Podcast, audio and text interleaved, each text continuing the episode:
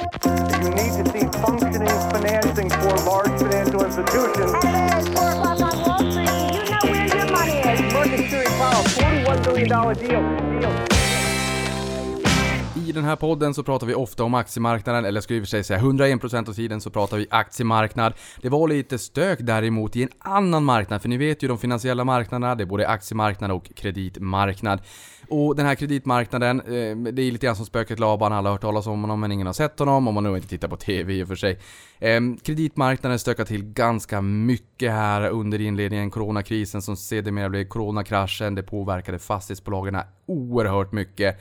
Vi såg en halvering där, jag träffade en, en aktör från en av de större fastighetsbolagen i helgen på ett barnkalas och han sa mm, det var rätt dramatiskt.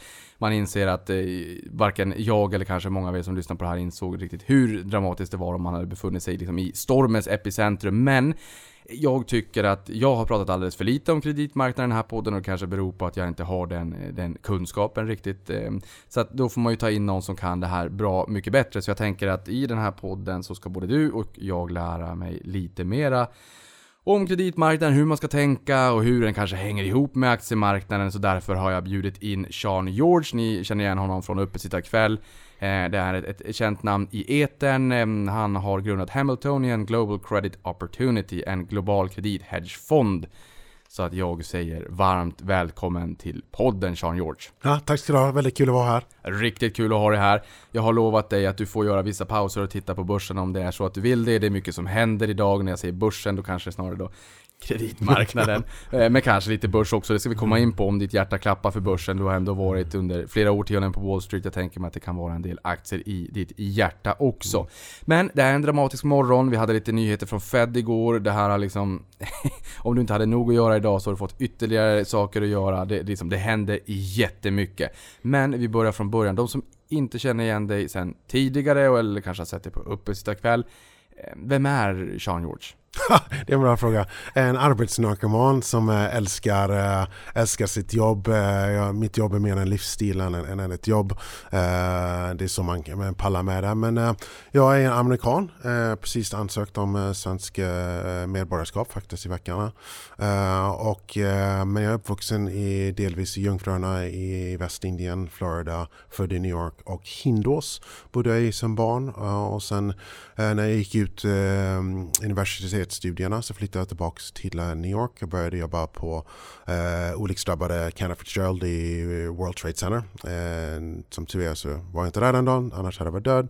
Eh, men sen har jag jobbat på Wall Street eh, sedan 96 eh, fram tills jag kom tillbaka till Sverige Eh, januari 2017. Eh, och lite mm, snabbt, jag eh, ska inte ta alla poster, men förvaltade pengar eh, på 27 miljarder dollars eh, eh försäkrings, eh, 27 miljarder dollar i försäkringskapital. Och så hade vi runt 9 miljarder dollar i, i total rate of returns och fondkapital. Och sen började jag, började handla, handla kreditderivat så det är försäkringar på företagsobligationer väldigt tidigt. De första indexerna började jag handla. Och sen blev jag värvad på, det var på UBS och sen började jag värva till Bank of America där jag blev globalt ansvarig för kreditderivathandel. Eh, det vill säga en av de produkterna som eh, får bära skammen att skapa, skapade finanskrisen. Det var belåningsgraden på de här som fick mycket eh, bolag att gå omkull. Dessutom vissa banker. 2008 tjänade vi hutlöst med pengar. Jag satsade, in, jag visste inte att det skulle bli så illa men jag visste att det skulle vara illa. Och 2009 gick jag till Deutsche Bank med stora delar av mitt team. hade samma roll där. Eh, Sen var jag på den enda investmentbanken kvar som finns i USA. Satt jag som ytterst ansvarig. Jag byggde deras eh, räntederivatbank och deras kreditderivatbank. Eh, tillsammans med en armé av advokater såklart. Eh, men, Såklart, eh, i USA. Ja, precis. Eh, så satt jag som ytterst ansvarig där i tre och ett halvt år ungefär. Och sen hände livet. Jag skilde mig och min exfru ville flytta hem. Och sen, när, Sen sa jag ja och sen började jag scrambla för att hitta någonting att göra. Eh, och så blev jag erbjuden Head of Corporate Trading på HSBC i London. Uh, blev erbjuden att eh, starta fonden Hamiltonian. Men det var min dotter åtta år gammal så, att, så självfallet så valde jag ju Sverige och eh, närheten till, till min dotter. Då. Eh, så, så har resan gått. Just det, och jag tänker mig, Warren Buffett har ju sagt att det här med derivat är finansiella massförstörelsevapen och som du sa där att man kanske beskyller de här också för att liksom ha varit eh, orsakat finanskrisen som blev en, en djup kris som vi pratar om än idag. Sen får vi väl se vad coronakrisen och coronakraschen, hur den Mm. står sig. Det är ju förmodligen kanske den största krisen i modern tid Mm. som påverkar så pass brett i alla fall. Eh, Håller du med om, om att eh, när man skyller på, på, på den där typen av, instrument att de orsakade finanskrisen och hur ser du på, på Buffetts Eh, citat, uttryck just kring derivat? Är, är de farliga eller är det liksom skit bakom spakarna snarare, den som rattar derivaten och hur man använder dem? Eller är det derivaten per se som är eh, farliga i finansbranschen? Det är aldrig en produkt som är farlig. Det är personerna som hanterar den.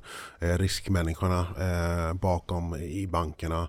Eh, riskviljan i marknaden. Eh, sen kan man ju prata om liksom, eh, om det var för, slapp monetär eh, miljö som vi befann oss i under en längre period. Så där, det här hände inte. Det var inte som coronakrisen att man kom in, in från måndag, till liksom en fredag till måndag att det, det small. Du visste att det här var på väg rätt länge. Eh, vi kunde ju se det rätt långt i branschen. Eh, ehm, eh, jag har en plakat på min vägg på kontoret här på Grev Turegatan. Där jag gjorde den första 100 miljoner dollars traden i CDX och i, i kreditderivatindexen. Då. Eh, och den handlade jag på en spread på 28. Eh, och eh, den gick lite lägre till och med. Och sen var folk ju att de bara belånade den tio gånger för att få någon avkastning. Det är klart det skulle smälla. Eh, så att det var inte det var inte produkten i sig själv. Det var bara att folk eh, tilläts att missbruka den. Eh, och de som, de som försökte gå emot det blev utstoppade och fick bli av med jobbet. Eh, därför att du kunde se att det var fel mycket längre innan, innan, det small. Och vad vi har här med coronakrisen det är en svart svan. Du kunde se lite av anor och det kan vi komma in på sen. Men jag, jag, tror, jag var ju positionerad för att det skulle gå ner. Och eh, om någon som följer min fond, de första två veckorna i mars var vi upp 50 baspunkter när det rasade stort. Men sen fortsatte det ju 15% till på aktiemarknaden och företagsobligationsmarknaden liksom stannade till. Eh, och, eh, så att det, eh, även fall man eh, kan beskylla på olika produkter och det hit och dit, det är alltid människorna bakom och riskviljan i systemet eh, som orsakar sådana problem. Men jag vet inte om du har läst boken eh, Simma med hajar och jag vet inte om du föredrar att läsa på engelska eller på svenska. Men, men alldeles oavsett, eh, den boken är ju engelsk från, från amerikansk från början. Men just den här hire and fire-kulturen och att det bara handlar om pengar och bonusar och ingen ska ifrågasätta utan så länge pengarna rullar in så är det bra och sen när det smäller Ja, då är det liksom bolaget själv som får, får ta smällen men att, att organisationen någonstans karaktäriseras av hungriga vargar och att det bara handlar om pengar, pengar, pengar. Är det så i USA och finns det någon sån likhet alls på, på den svenska helyllemarknaden som man kanske tror att det är för, eh, för de som står utanför? Eller så finns det kritik mot svenska banksystemet också men det känns som att vi är mer helylle än den amerikanska. Tycker du att jag är ute och cyklar när jag säger det? Ja, um, uh, så det, det, det är så här att det, det finns fear and greed överallt. Um, sen är ju anställningsvillkoren väldigt annorlunda i USA. Har jag, har jag, jag skulle säga liksom, har man en track uh, på en bank eller i banksystemet och jag har ett dåligt år, jag blir inte av med jobbet. In i tredje kvartalet på nästa år så blir jag förmodligen av av med jobbet. Så du har, eh, om du är duktig så kan du ha ett dåligt år därför det kommer du ha. Eh, liksom, det är inte, annars gör du någonting fel. Eh, det är bara Bernie Madoff som liksom kan tjäna pengar i perpetuitet tills, tills han åker in då. Eh, eh, men eh, svenska systemet har ju liksom det. Jag, jag, delade en riktigt bra artikel igår eh, på Twitter eh, som Och på Twitter hittar man dig under... Sean H. George. Och där, där- där stod det liksom den här svenska eh, självsäkerheten på att vi gör allting rätt. Liksom. Eh, och liksom, eh, då, då gick de in på, eh, och det var någon som är en engelsman som verkar som har bott i, i Sverige. Och han pratade om sin uppväxt och han pratade om Palmemordet, att man var säker på att man var rätt spår. Och sen pratade man om eh, eh, virusbekämpning i Sverige, att man är säker på rätt spår och alla andra har fel. Eh, så att det som du tycker, jag som en outsider ändå som är halv, min mamma är svensk medborgare, min dotter är svensk, min ex är svensk, min sambo är svensk eh, och, och, och jag snart förhoppningsvis också svensk. Eh, men, men som är liksom min, jag har bara jobbat i princip i utlandet. Eh, eh, när jag kom tillbaka till Sverige och eh, ett perfekt exempel, jag skrev en debattartikel no, oktober, november 2019 om att eh, mina konkurrenter skulle förmodligen gata. Eh, folk tyckte nog jag var dum i huvudet när jag skrev den. Eh, och det finns inget land där 35 fonder eh, slog upp Gates eh, under den här krisen. Det var bara Sverige det skedde.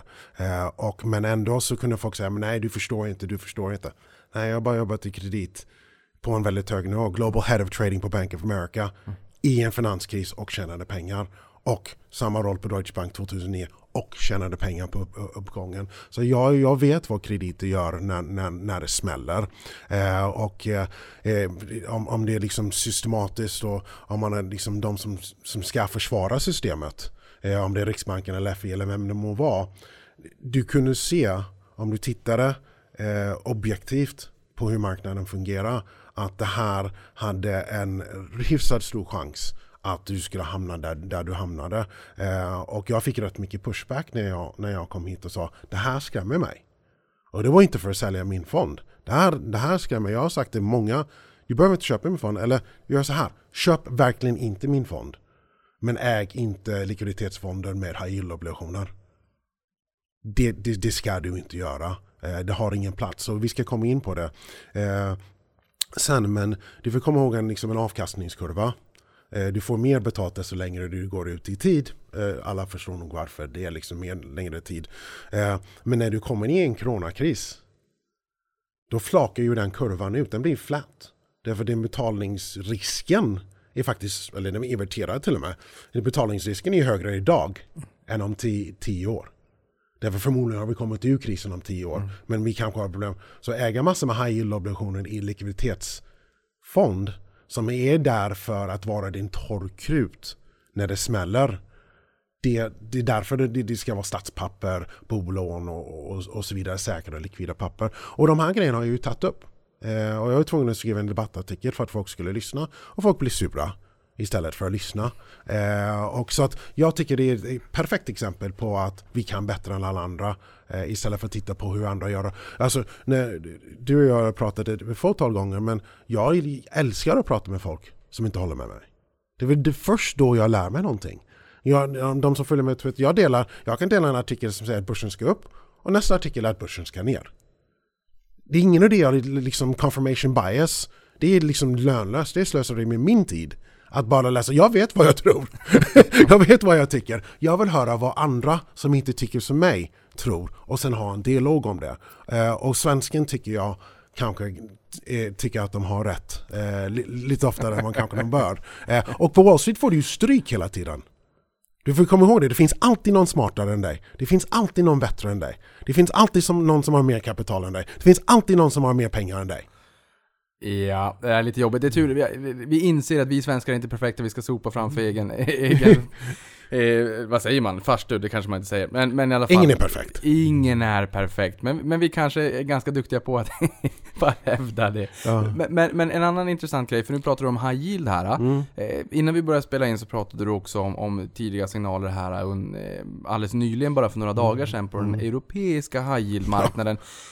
Vad var det som hände där? Så att, eh, nu, nu det, har varit en lång, lång, lång vecka, men jag tror det var måndag eller tisdag morgon förra veckan. Eh, och jag skrev faktiskt ett inlägg som eh, de som följer mig förstod att okej, okay, nu ska vi börja följa kredit lite mer. Eh, jag har aldrig sett likviditet, det var från 8 på morgonen till 10 på morgonen, så var de borta. Jag har fan aldrig sett det i hela min karriär. Det var bara puts väck. Eh, nu är Europa inte USA, liksom likviditet är inte lika bra. I, så jag skulle säga skalan sämst likviditet i svenska kreditmarknaden, lite bättre i uh, Europa och abs absolut bäst i USA. Så den försvann i, i, i Europa på morgonen på riktigt. Eh, så, så mycket så att jag blåste ur rätt mycket risk snabbt. Bara ta ner risken. Eh, och då hade vi haft en väldigt lång portfölj under en längre period. Vi var upp eh, strax över 2 på, i juni bara eh, eh, med den här långa portföljen. Så då drog ner den till någonting som var mer eh, mindre lång. Och sen skrev jag eh, ett sms till Head of Trading på JP Morgan i, i New York. Bara ring mig på vägen in. och jag bara du, det här hände liksom prata med tradersarna innan ni börjar handla. Eh, jag vet inte hur ni öppnar. Och så fick jag en IP-chat på Bloomberg. Shit, det är samma sak som händer här. Tack för liksom eh, heads up. Eh, och då gick vi in och började liksom köpa säljoptioner på S&P. Vi hade börjat hedga lite innan bara för att volatiliteten hade kommit ner. Vi kan komma in på varför den strategin fungerar i en kreditportfölj. Folk tycker det är väldigt konstigt om man kan köpa säljoptioner på S&P i en kreditportfölj. Men i investment grade, det är samma bolag. Eh, och vad du upplevde, eh, det, det, det är bra att folk ska veta, det finns volatilitet i kredit och det är okej. Kredit, och obligationer ska röra sig. Man ska vara mer rädd när man har en graf som ser ut som Bernie Madoff som bara går uppåt. Liksom. Och Företagsobligationer ska röra sig därför att det är, liksom, det är ett lån till samma bolag. Om S&P går ner 15% och deras lån inte rör sig, det låter jättekonstigt. Eh, och vad som man upplever i en sån här svart svan eller finanskrisen är att obligationer börjar hand, falla handlöst. Och när Fed klev in i mars, då var när, när och investment, och det där vi fick den. Det var kort high yield och lång investment grade. Och sen föll investment grade hårdare än high yield. Därför det var ju en kreditkris. Det var, det var där skiftet var. Och det är där Fed satte ner foten och började komma med stora bazookas för att vända det här och så var det botten någonstans 23 mars. Och då började det komma nyemissioner. 100, jag köpte Caterpillar liksom 150 baspunkter billigare än vad de var dagen innan.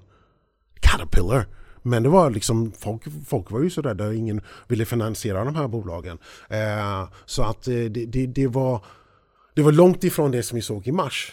Men det var, det var tillbaks till mars. Men det, det som hände i mars hände över en period. Här hände det på en morgon. Och då gick vi kort och sen först på torsdagen förra veckan så small det på aktiesidan. Eh, och då gick vi till neutral-ish och sa att liksom jag har fått en stor del av den här smällen. Jag tror vi är upp 21 baspunkter, den S&P var ner nästan 7% den kvällen. Och sen igår, eh, när marknaden var ner och det är flippsidan och folk tog ner priserna på företagsobligationer, det fanns inga säljare. Och då, då, då, då, då sa jag till min kompanjon Jesper, för vi får börja gå lång här nu. Mm. Och det kändes ju inte bra, men nu har det kredit repat sig. Eh, och sen hade vi lite tur då igår kväll att Fed kom ut och gjorde vad de gjorde. Ja, för det får vi ju säga nu, när det här spelas in i, igår så var ju Fed ute och sa att de då skulle börja köpa individuella företagsobligationer och vi såg ju S&P 500 gå från minus 2,5 nästan till plus 0,8. Eh, och det är ju liksom den, den största intradag reversal, eh, eller en av de största, det, det har hänt tre gånger de senaste tio åren. Det hände elva gånger under finanskrisen. Men, men, men så det, det är ju inte vardagsmat, det var ju en, en rejäl eh, reversal igår. eh, vil- Vilket var skönt, det tror jag många tyckte när det stängde. Som, som ligger långa. Men jag tänker så här, nu pratar om Caterpillar, det är enorma bolag. Caterpillar finns till och med i Boden i Norrbotten där jag kommer ifrån. Stor, för, eh, jag vet inte, det är inte en fabrik, jag vet inte vad det är. De, de finns där i alla fall. Hur som. Och det jag menar med det, de finns alltså till och med i världsände. Ehm, men, men, men aktiemarknaden har ju en, en naturlig volatilitet. Ehm, men när vi tittar på kreditsidan. Vad innebär en naturlig volatilitet där? För aktiemarknaden skulle jag säga 20% eller kanske 30%. Då, då tror jag inte så många skulle rynka på näsan. Men, men, men hur, hur ser den naturliga volatiliteten Ungefär ut? På? hälften skulle jag tippa på. Eh, någonstans där. Eh, beroende på vilket tillgångslag. Och, du, du sa att du skulle fråga om AT1. De har ju en högre volatilitet än en IG-obligation och så vidare. Så att det beror på vad du är. Men jag ska kalla det hälften. Eh, och beroende på där, där vi figurerar. Om det är liksom en kort duration, en, en femårig eh, kattobligation då, så ska den ha väldigt låg volatilitet. Är du en 30-årig Caterpillar-obligation så har den högre volatilitet. Så beror det på vad du är på avkastningskurvan och sen beror det på vad du är på credit rating eh, sidan då. Så att vi förvaltar fonden till att ha en volatilitet någonstans mellan 2 och 3. Eh, då är liksom en låg risk 3. Det är därför vi jämför oss ofta med eh, fonder som är risk 2 eller risk 3. Eh, och så jämför vi oss givetvis med hedgefonder i och med att vi kan hedga, att, att vi kan belåna, att vi kan blanka. Men, men vi placerat oss för att konkurrera med de här riskklass 2 och riskklass 3 som tar väldigt mycket likviditetsrisk som inte kan hedga. Eh, det, det är vår grej liksom, att försöka inte köra i diket i mars. Eh, knock on wood. att vi inte gjorde det.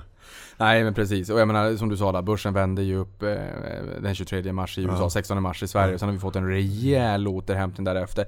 Eh, det jag blir lite nyfiken på när det kommer till, till kreditmarknaden, det är att man brukar ofta säga att aktiemänniskor är lite optimister och ser möjligheter och att räntemänniskor kanske är pessimister eller realister och ser risker. Brukar man, kan man se eh, på kreditmarknaden. Är det som att titta på meteorologerna på väderleksrapporterna att nu det kommer växlande molnighet och nu börjar det komma mörka moln och det kommer att, att spöregna imorgon. Och, liksom, och att det blir lite ledande för aktiemarknaden. Kan man se dramatik, oro, marknadshändelser? Är kreditmarknaden före aktiemarknaden vid den här typen av händelser? Jag kan säga att 2007 så var det svinjobbigt när krediter var i låga och aktiemarknaden bara fortsatte upp. Och alla bara liksom, och vi satte på SL-optioner allihopa. Det var liksom, jag var, mitt jobb var att hedga böcker. Jag bara, eh, Man fick ja, det, ja, liksom, hallå, knock knock, liksom, det, det brinner här borta. Det, som fan. Ni får lugna er ner. Och aktiemarknaden bara fortsatte upp. Men, men ja, alltså, till, liksom, det, det kan vara lagg såklart. Eh, men, men om, grejen är vad alla ska komma ihåg att kredit är inte någon abstrakt grej som finns och jag äger ingen kredit, jag äger bara aktier, jag skiter i kreditmarknaden.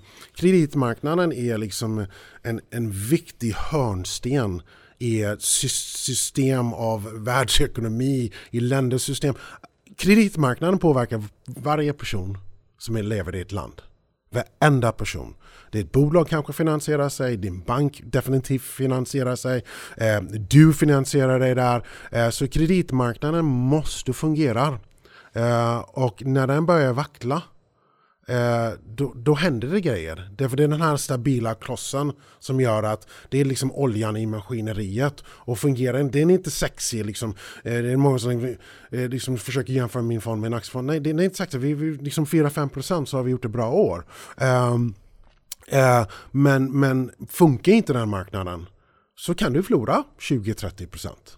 Om du är bara lång och inte kan hedga. Funkar den här marknaden så förlorar massor med folk jobb. Därför kan inte bolagen finansiera sig så går de omkull. Och det är därför centralbankerna, eller Riksbanken har inte direkt de här marknaden. De, de tittar på det fortfarande. Men det är därför Fed har varit så jäkla aggressiv och ECB har varit så aggressiv och Bank of Japan har varit så aggressiv. För att funkar inte den marknaden, då, då pratar vi om Great Depression. Och det finns ju mycket grejer som händer nu. Volatiliteten i mars, varje dag man tittade på CNBC. Uh, last time this happened, 1928. Last time this happened, 1931. och man bara sitter där liksom, vad är det jag ser? Därför att jag som 47-åring, är det, i alla fall liksom hade liksom head of, Global Head of Trading på Bank of America genom finanskrisen. Som tur är så satt jag i en bra stol nu. Där jag upplevde den här liksom, med liksom vi, vi, vi gjorde 317 avslut i mars. Vi slogs för vårt jävla liv i mars. Och det, det måste man göra. Men det var ju våldsamma svängningar intradag också under mars månad. För att kreditmarknaden, den, den, den var liksom en fisk på vatten, eller på, på land. Eh, och liksom Fed kom och sparkade tillbaka in den i vatten och, och, och pumpade in likviditet då. Eh, så att det, är superviktigt i kreditmarknaden. Men vågade du vara, eh, vågade du vara optimist här? För jag menar, jag, jag kände när, det var liksom det ena mörka siffran efter andra och det var liksom det, det, det snabbaste fallet i världshistorien. Vi såg Dow Jones falla 38% på en månad och vi föll 37% under fyra år under andra världskriget. Det gick käpprätt rakt ner i källan. Eh, Jag såg, ehm, eh, liksom i början av det här fallet så, eh, så tryckte man ut 2000 miljarder dollar i systemet med, med genom att, att eh, svälla, expandera balansräkningen hos Fed. 2000 dollar ska jämföras med 3 500 dollar under 6,5 år efter finanskrisen. Så att det var ju liksom, det var ju en, en massiv vägg med stimulanser för att liksom hit men inte längre. Ja. Vi ska klara oss och hålla näsan ovanför vattenytan. Eller ge människor tillräckligt med syre för att man kan, man, man kan hålla andan lite grann till att vi tar oss över och inte får en depression.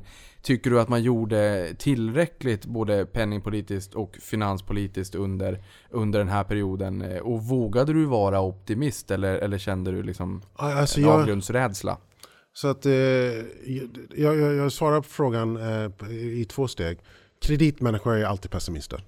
Eh, vi lånar ut pengar och kanske får 2-3% och vi kan förlora. Eh, ägde du eh, JC Penny-obligationer så fick du 4 cents tillbaks. Så du förlorade 96% då. Så att det är extremt, men liksom snitt någonstans runt 40 eh, eller 60% förlust då. Eh, och så, så naturligt så är vi skeptiska till allting. Eh, så att jag, jag är inte roligast. Den Inte gången- den roligaste personen på den här eh, drink... eh, Nej, nej, nej, precis, nej. precis. Men när det smäller så vill alla prata med. Hur illa är det? Men det är så här. Du, om du hade lyssnat på mig på förra festen och inte bara pratat med Maxi-killarna så hade du vetat i alla fall hur det slog till. Så att, eh, så, så eh, vågar du jag vara optimist? Ja. Eh, men jag var en jäkligt rädd optimist. Jag, alltså, jag är ingen hjälte. Eh, vi, vi kunde givetvis gått in och långat tok mycket high yield obligationer och varit upp 10% i år. Men nu är vi upp lite drygt 2%. Eh, men det är inte mitt jobb att vara en cowboy, att gå ut och ta massor med skräpobligationer i någonting som, som kan leda till en depression. Eh, jag trodde Fed gick- gjorde tillräckligt mycket. Eh, vi var ner som mest 2,6% tror jag i mars och slutade ner 1,6 tror jag. Eh, så att det var för att vi långade eh, marknaden. Eh, men jag långade, sprang iväg, långade, sprang iväg. Så att, och sen, sen i april då tryckte vi på gasen och kände att okej, nu har vi fått fötterna under oss. Och då hade vi vår bästa månad innan det var 1,9 procent. Två juli i rad var vi uppe i 1,9 procent, var två bästa månader innan. Så var vi uppe 2,6 i april. Men, men vad var det som gjorde att ni vågade trycka på gasen i april? Därför att vi kände att de här Feds och ECBs och Bank of Japans åtgärder började bita. Att jag, jag kände liksom, jag, jag kunde handla obligationer. Det var inte att du, vi är kompisar, jag behöver sälja tre miljoner. Det var, har du tre? Perfekt, jag kan sälja dem. Har du mer? Nej, jag har inte mer. Så att jag kände att marknaden började, började funka. Och jag kan säga att jag köpte ju mina konkurrenters fonder i, eh, i mars. Jag köpte eh, Pareto Corporate Bond. Stefan tycker jag är fantastisk. Och Fabian på Simplicity. Jag köpte deras Global Corporate Bond. Och Fredrik Tarlssons eh, Nordic Cross-fond köpte jag. Så jag köpte även Carnegie Corporate Bond. Så att jag köpte för mig själv. Och då sa jag, tror jag det var någon som frågade mig liksom, varför gör du det? Så att, antingen så är vi någonstans på en botten eller så är vi halvvägs till en botten. Eh, och här ska man börja lägga på i sin privata portfölj, sin pensionsportfölj och skita i det och bara så man har krut att köpa en, en, en eller två eller tre eller fyra gånger till eh, så, så, så ska man ju liksom när high yield obligationer går ner 20% då ska man köpa dem. Eh, så att jag gjorde både privat och professionellt. Men jag tänker mig, det var en amerikansk tidning, jag kommer inte ihåg tyvärr vilken det var, men som under den här perioden skrev att eh, obligationsmarknaden är lite speciell om man jämför med aktiemarknaden och för att kunna omsätta så kanske det kan vara ganska bra med kontakter.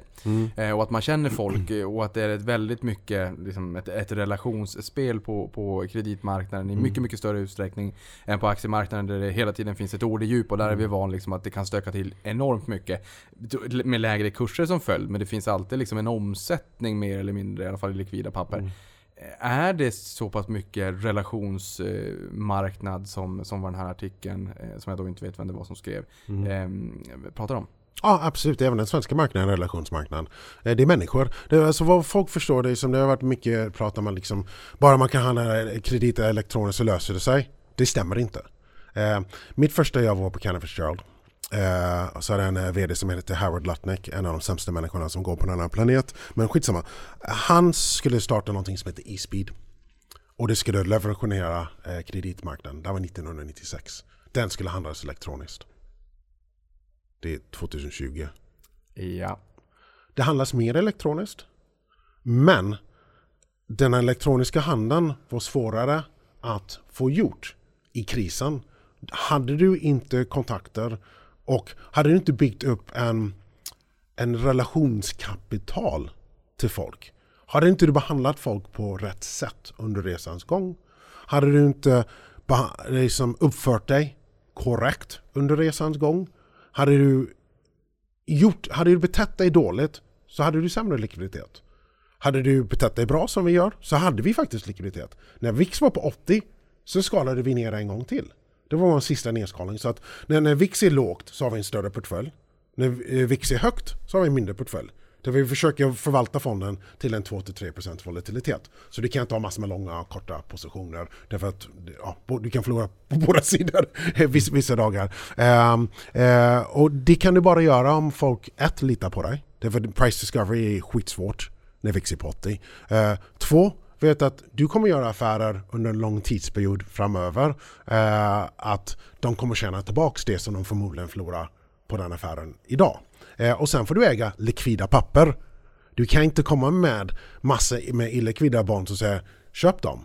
Därför det är inte bankernas jobb att förlora pengar för mig. Det är deras jobb att tjäna pengar åt sina aktieägare.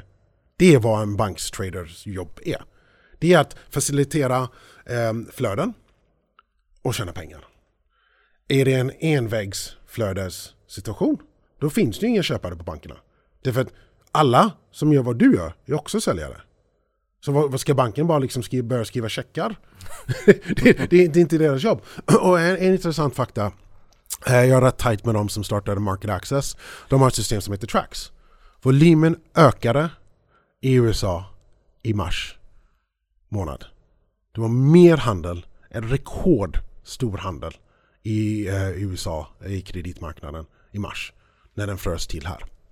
Ja, för det där är jätteintressant. Jag tänkte faktiskt komma in på Market Access, för det där är ju det är ju väldigt mycket fokus på techbolagen i USA eh, och Market Access är väl någon som, kanske inte för dig i, i, i, din bransch, men för många andra kanske flyger lite grann under radarn. Mm. Med, med det digitala, den digitala plattformen mm. där de faktiskt försöker digitalisera handeln av, men i kreditmarknaden och bli mm. av obligationer. Eh, även om vi pratar kreditmarknad idag, men, men, men lite aktier också. Hur ser du på bolaget Market Access och deras framtidsutsikter i den här högst analoga världen? Finns det ett litet case där för den som är långsiktig att äga exempelvis eh, Market Access? Jag berätta en liten story. När Market Access startade så var jag på UBS. Eh, och Desken ägde en stor del av Market Access. Mm. Det var så de fick oss att ställa priser. Mm. Så att eh, den skulle man behållit då. det hade skulle tagit Market Access-aktien istället för UBS-aktien.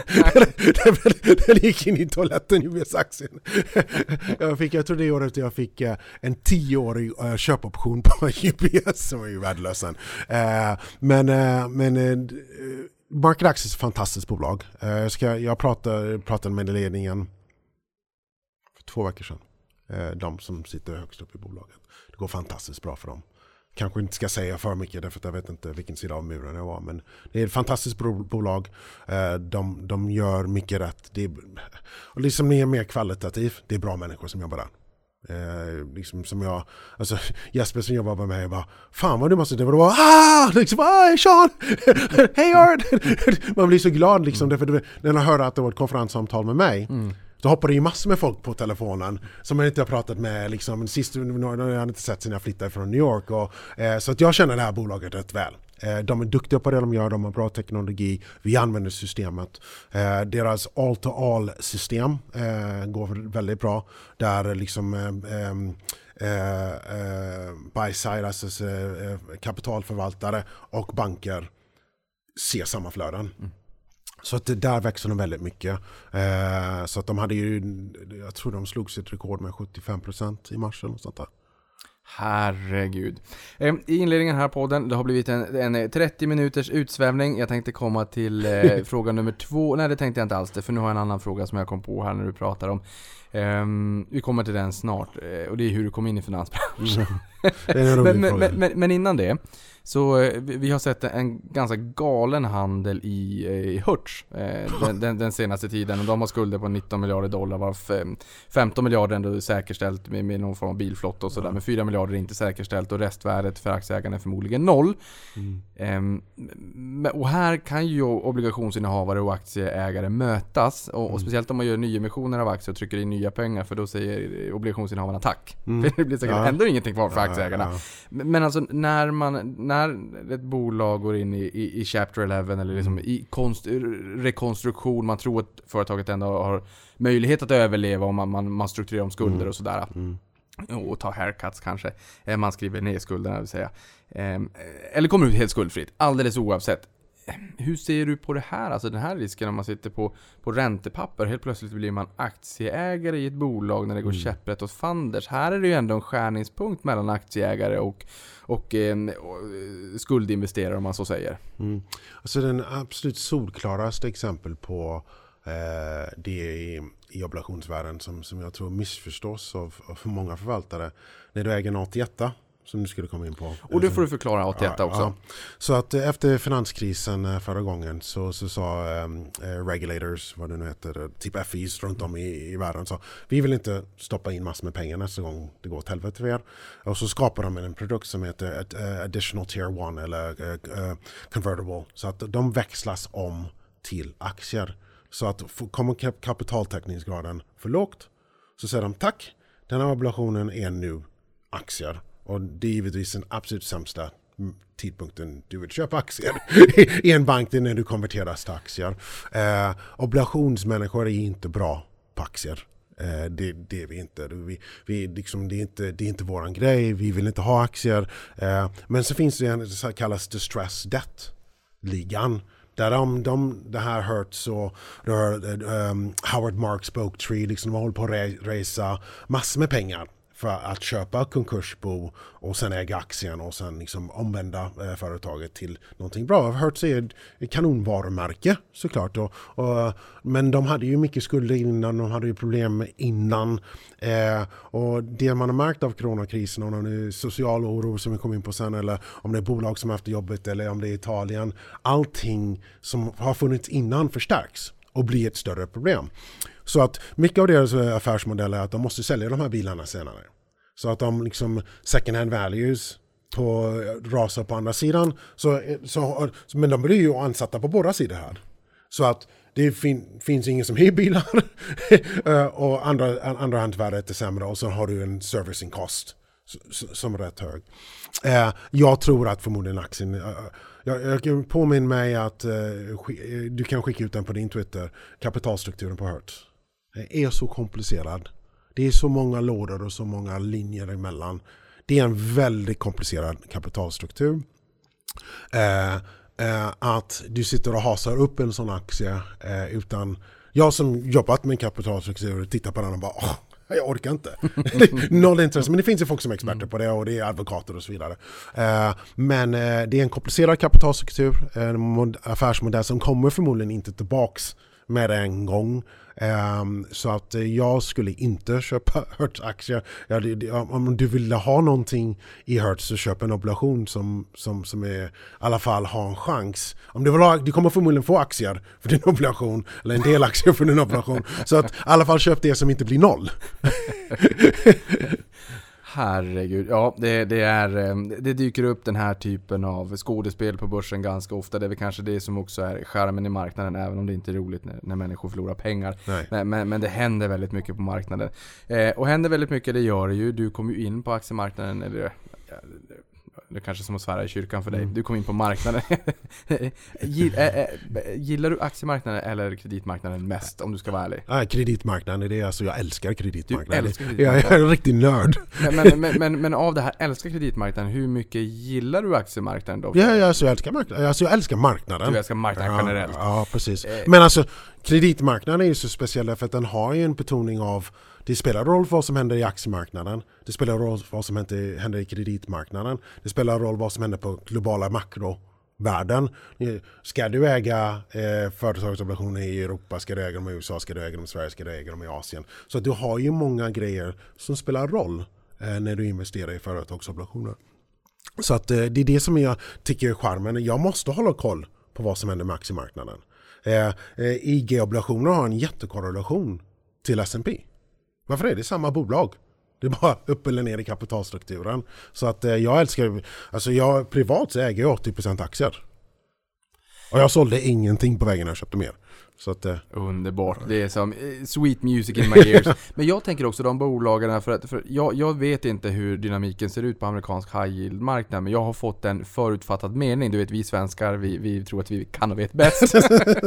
I många fall kan ni det. Vi kanske inte high yield-marknaden. Här, här, tror jag någonstans på high yield-marknaden, nu får du såga mig vid fotknölarna, men att det är en liten större, mm, vad ska man säga, eh, att liksom, högre koncentration kanske mot, eh, mot energi etc. Och att när de här bolagen får det lite jobbigt så ser man ju kanske då när förutsättningarna förändras att många bolag som kanske låg snäppet över skräpstatus eh, snäppet över junkbonds, high yield, kärt barn har många namn, som faller ner i, i junkbond status, att det kanske är mycket energibolag. Alltså hur ser den sektorn ut? Jag menar, mycket tech, på, på amerikanska börsen, tycka vad man Mm. vill om det. Eh, men det kanske inte är tech som utgör den största lejonparten av, av high yield tänker jag, utan kanske mer energi eller vad säger du där? Vad, Alltså det, blivit, alltså det, det har alltid varit en av grejerna som har high yield är amerikansk energi, men det är mycket mindre del nu. Eh, Men för oss som är en ESG-fond, eh, så att eh, liksom vår ESG-blankningskorg eh, som vi skulle behållit längre i mars var kort Lufthansa, kort Daimler, kort Marathon Petroleum. Så den, det var en stor del av vår räddning i, i mars, vår ESG-portfölj. För oss att gå lång så köper vi gärna high yield på en indexnivå. Uh, uh, men det är alltså mycket mindre del energi än vad det har varit uh, innan. Så att man, om man vill korta energi så ska man inte bara gå in och korta high yield. Det kanske gungar till någon dag för att det är mer energi i, i high yield. Men det är, inte, det är inte det som driver high yield-indexet på samma sätt som det gjorde förr. Nej, och du Jag tror, jag tror att, jag kommer inte ihåg procentsatsen men det, det, det, det, det är över 10% eller något sånt där men det är, inte jättehögt. Och nu, nu, nu går jag in på någon tassemark som jag inte heller riktigt Mm. har koll på, men du får rätta om jag har fel här. Men var det Lufthansa, Lufthansa som, som fick lämna, var det DAX? Tror jag nyligen att de blev, blev, fick eh, lämna... Ja det kan jag tänka mig inte men de fick ju så mycket statligt stöd så jag vet inte vad aktien handlar. Eh, att- För de fick, om det nu var där de ingick Mm. då, de fick lämna ett prestigefyllt index och kanske tyska DAXen då. Eh, hur påverkas obligationerna och handeln och, och, och så och om, om man lämnar, för på aktiemarknaden har vi ha- haft en absurd indexifiering. I Sverige fick vi 54-55 miljarder i fjol in i indexfonder. Eh, 8 av 10 dollar sitter på tre parter, State Street, Vanguard och Blackrock i USA och majoriteten i indexprodukter nu. Det är, det, det är som E4. Men för kredit, skuld- ränteinstrument, kreditmarknaden överlag, vad händer vid en sån där större händelse att en aktie får lämna ett, ett visst index så att det blir ett minskat sug från, från aktiesidan? Påverkar det räntesidan? Alltså det har redan påverkat när de har hamnat där. Eh, därför att anledningen till att det delistas oftast är att aktien har blivit mindre värd. Eh, jag kan säga att det, liksom, det fanns ju folk som ville betala uppemot 7% för sex månaders försäkringar mot att Lufthansa skulle gå omkull. Ja.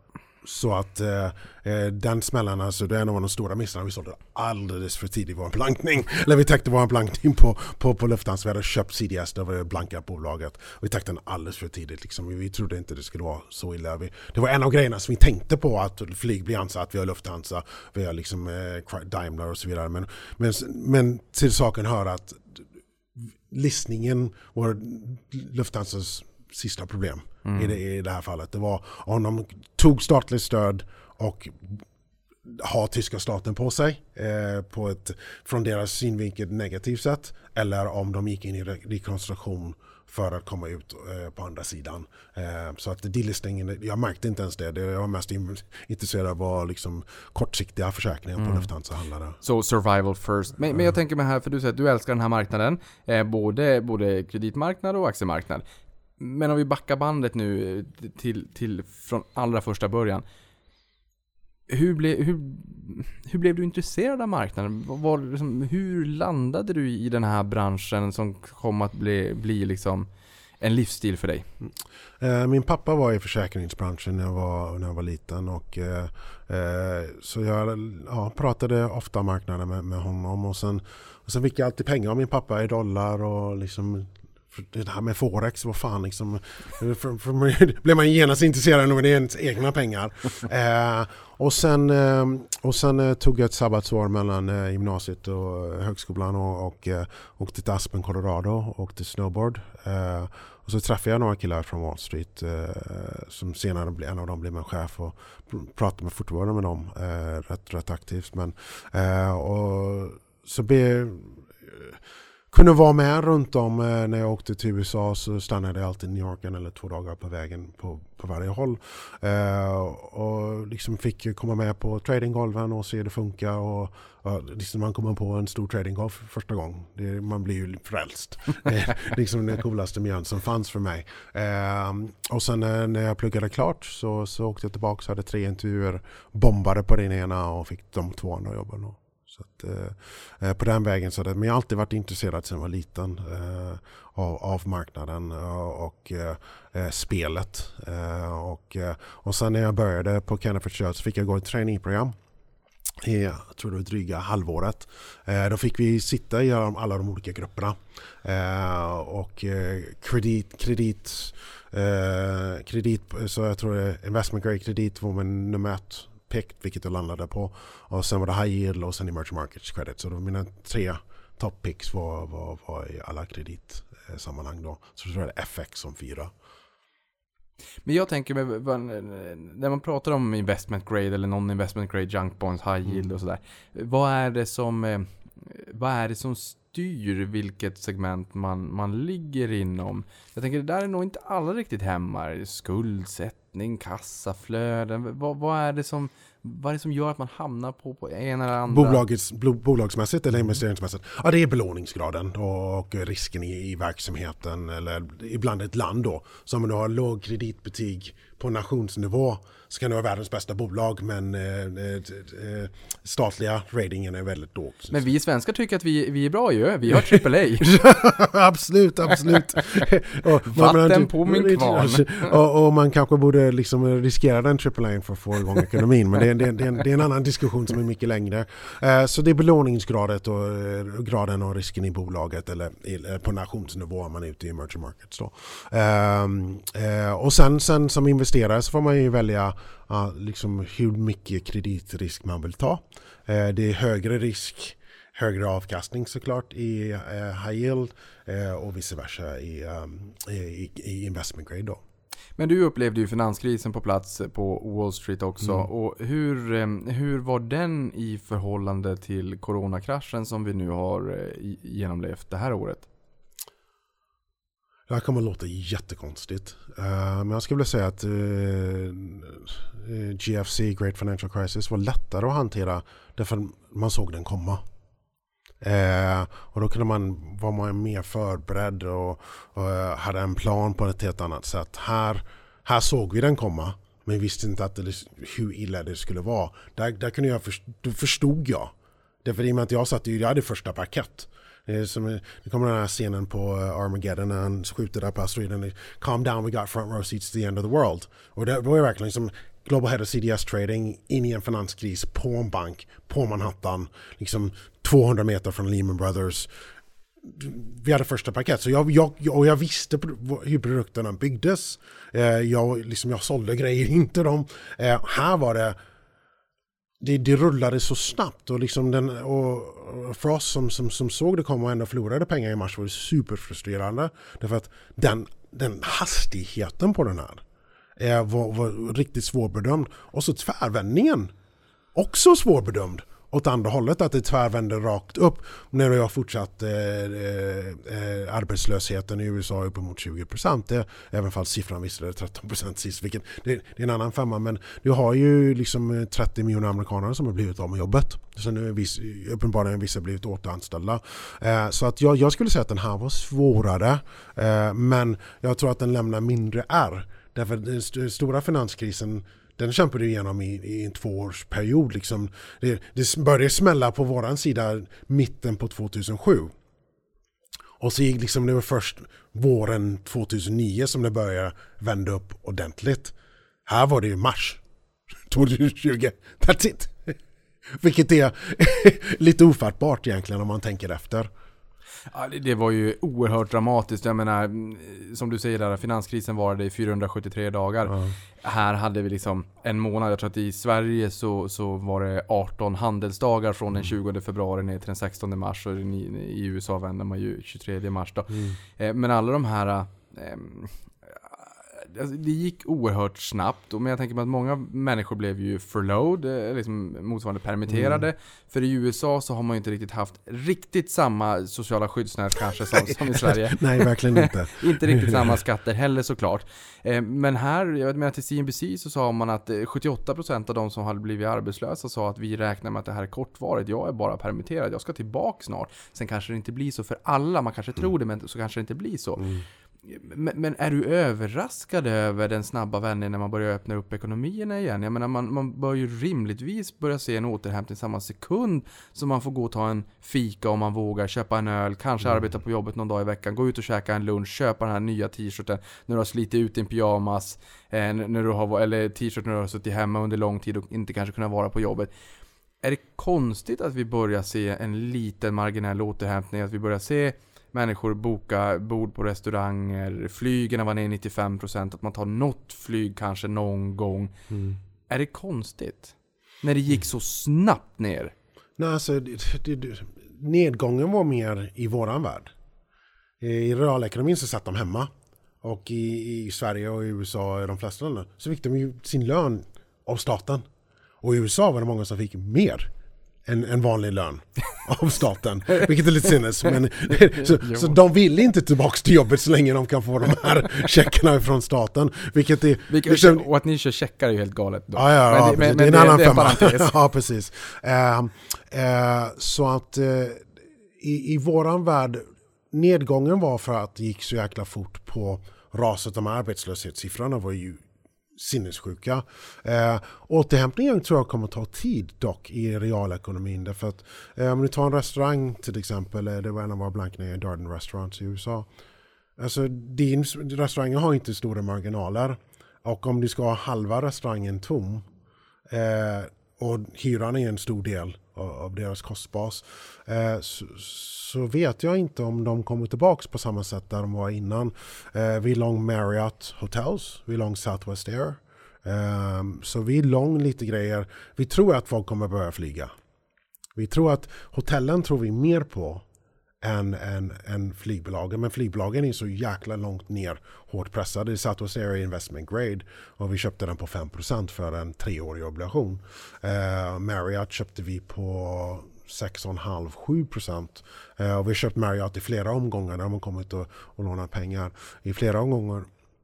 Eh, vi tror att mer folk kommer att våga köra sin bil och bo på ett hotell eh, än vad de kommer våga flyga. Så vi tror, tror mer på hotellen.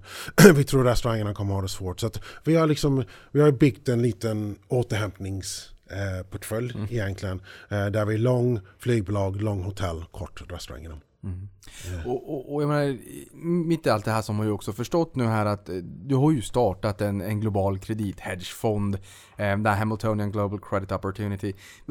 Vad fick dig att eh, starta den här? Jag menar, du, du pratar om att eh, ni skilde er, du har en dotter på åtta år och de ville hem till Sverige. I första sekunden så undrade jag lite grann för att ditt ex då ville flytta till Sverige och då hakade du på och tänkte det var ju snällt. Men sen insåg jag att det fanns ju en dotter där och då förstår man ju liksom att man såklart. Ehm, men- och då försökte du hitta någonting att göra här på, på, Mm. På hemmaplan. intervjuer. Inga intervjuer? Noll. Noll. Noll. Vad, var din bild av Sverige då? För att vi, vi, vi är så öppna för- armar men, men sen så Nej, nej. inte så när man ska inkluderas och liksom komma in på riktigt under skinnet i samhället, eller? Ja, ja nej, men jag blir... Alltså jag har en väldigt stark CV. Mm. Så att... Eh, uppenbarligen, det har vi ju hört här, så- Ja, ja, eh, eh, liksom head of trading på stora banker i New York under två decennier. Eh, och när man kommer tillbaka till Stockholm så får man noll intervjuer. Det finns ju många sätt som man kan se på det men ingen av dem är särskilt positivt. Eh, kan man ju säga. Eh, men så var fallet. Så att jag bara okej. Fuck you, let's go. Eh, och då startade vi fonden eh, och resultaten säger sig själva. Liksom det, Men nu säger du ni, hur många är ni på, på fonden? Vi är två stycken som jobbar på front office-sidan och två stycken som jobbar i middle office-sidan.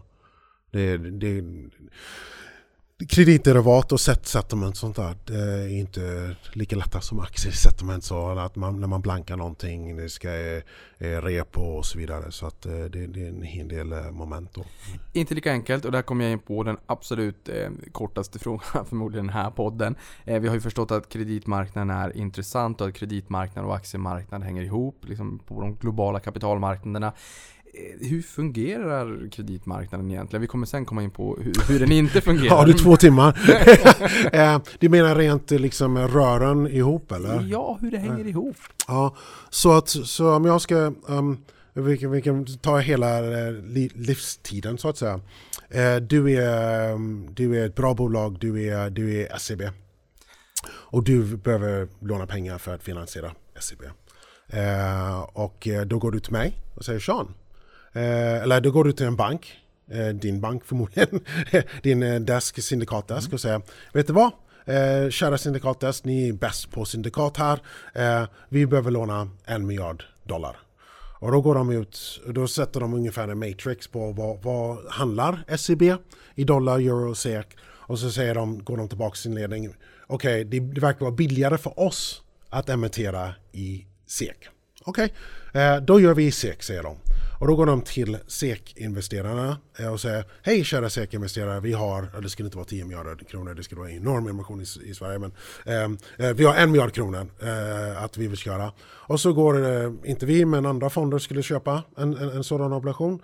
Och sen, sen kan man behålla den i ett halvår eller ska man behålla den till förfall eller vad, det- vad det nu må vara. Och sen när det, så har du en kupong säg på 2% och sen det, så jag som investerare får 2% och sen har du betalat 2% per år och sen när den förfaller så om jag har lånat dig 100 kronor så ger du mig tillbaks 100 kronor och så kommer du förmodligen med en ny emission och så rullar du, rullar du så.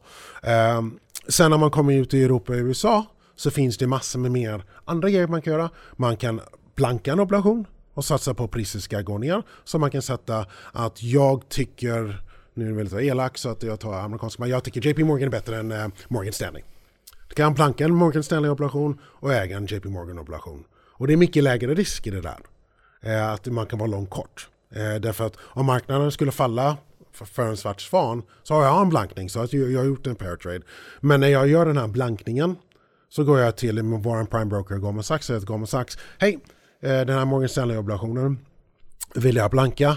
Eh, vad kostar det att blanka? Eh, 3 miljoner euro. Och den här obligationen så säger de att det kostar 60 baspunkter och så plus kupongen då som vi får betala.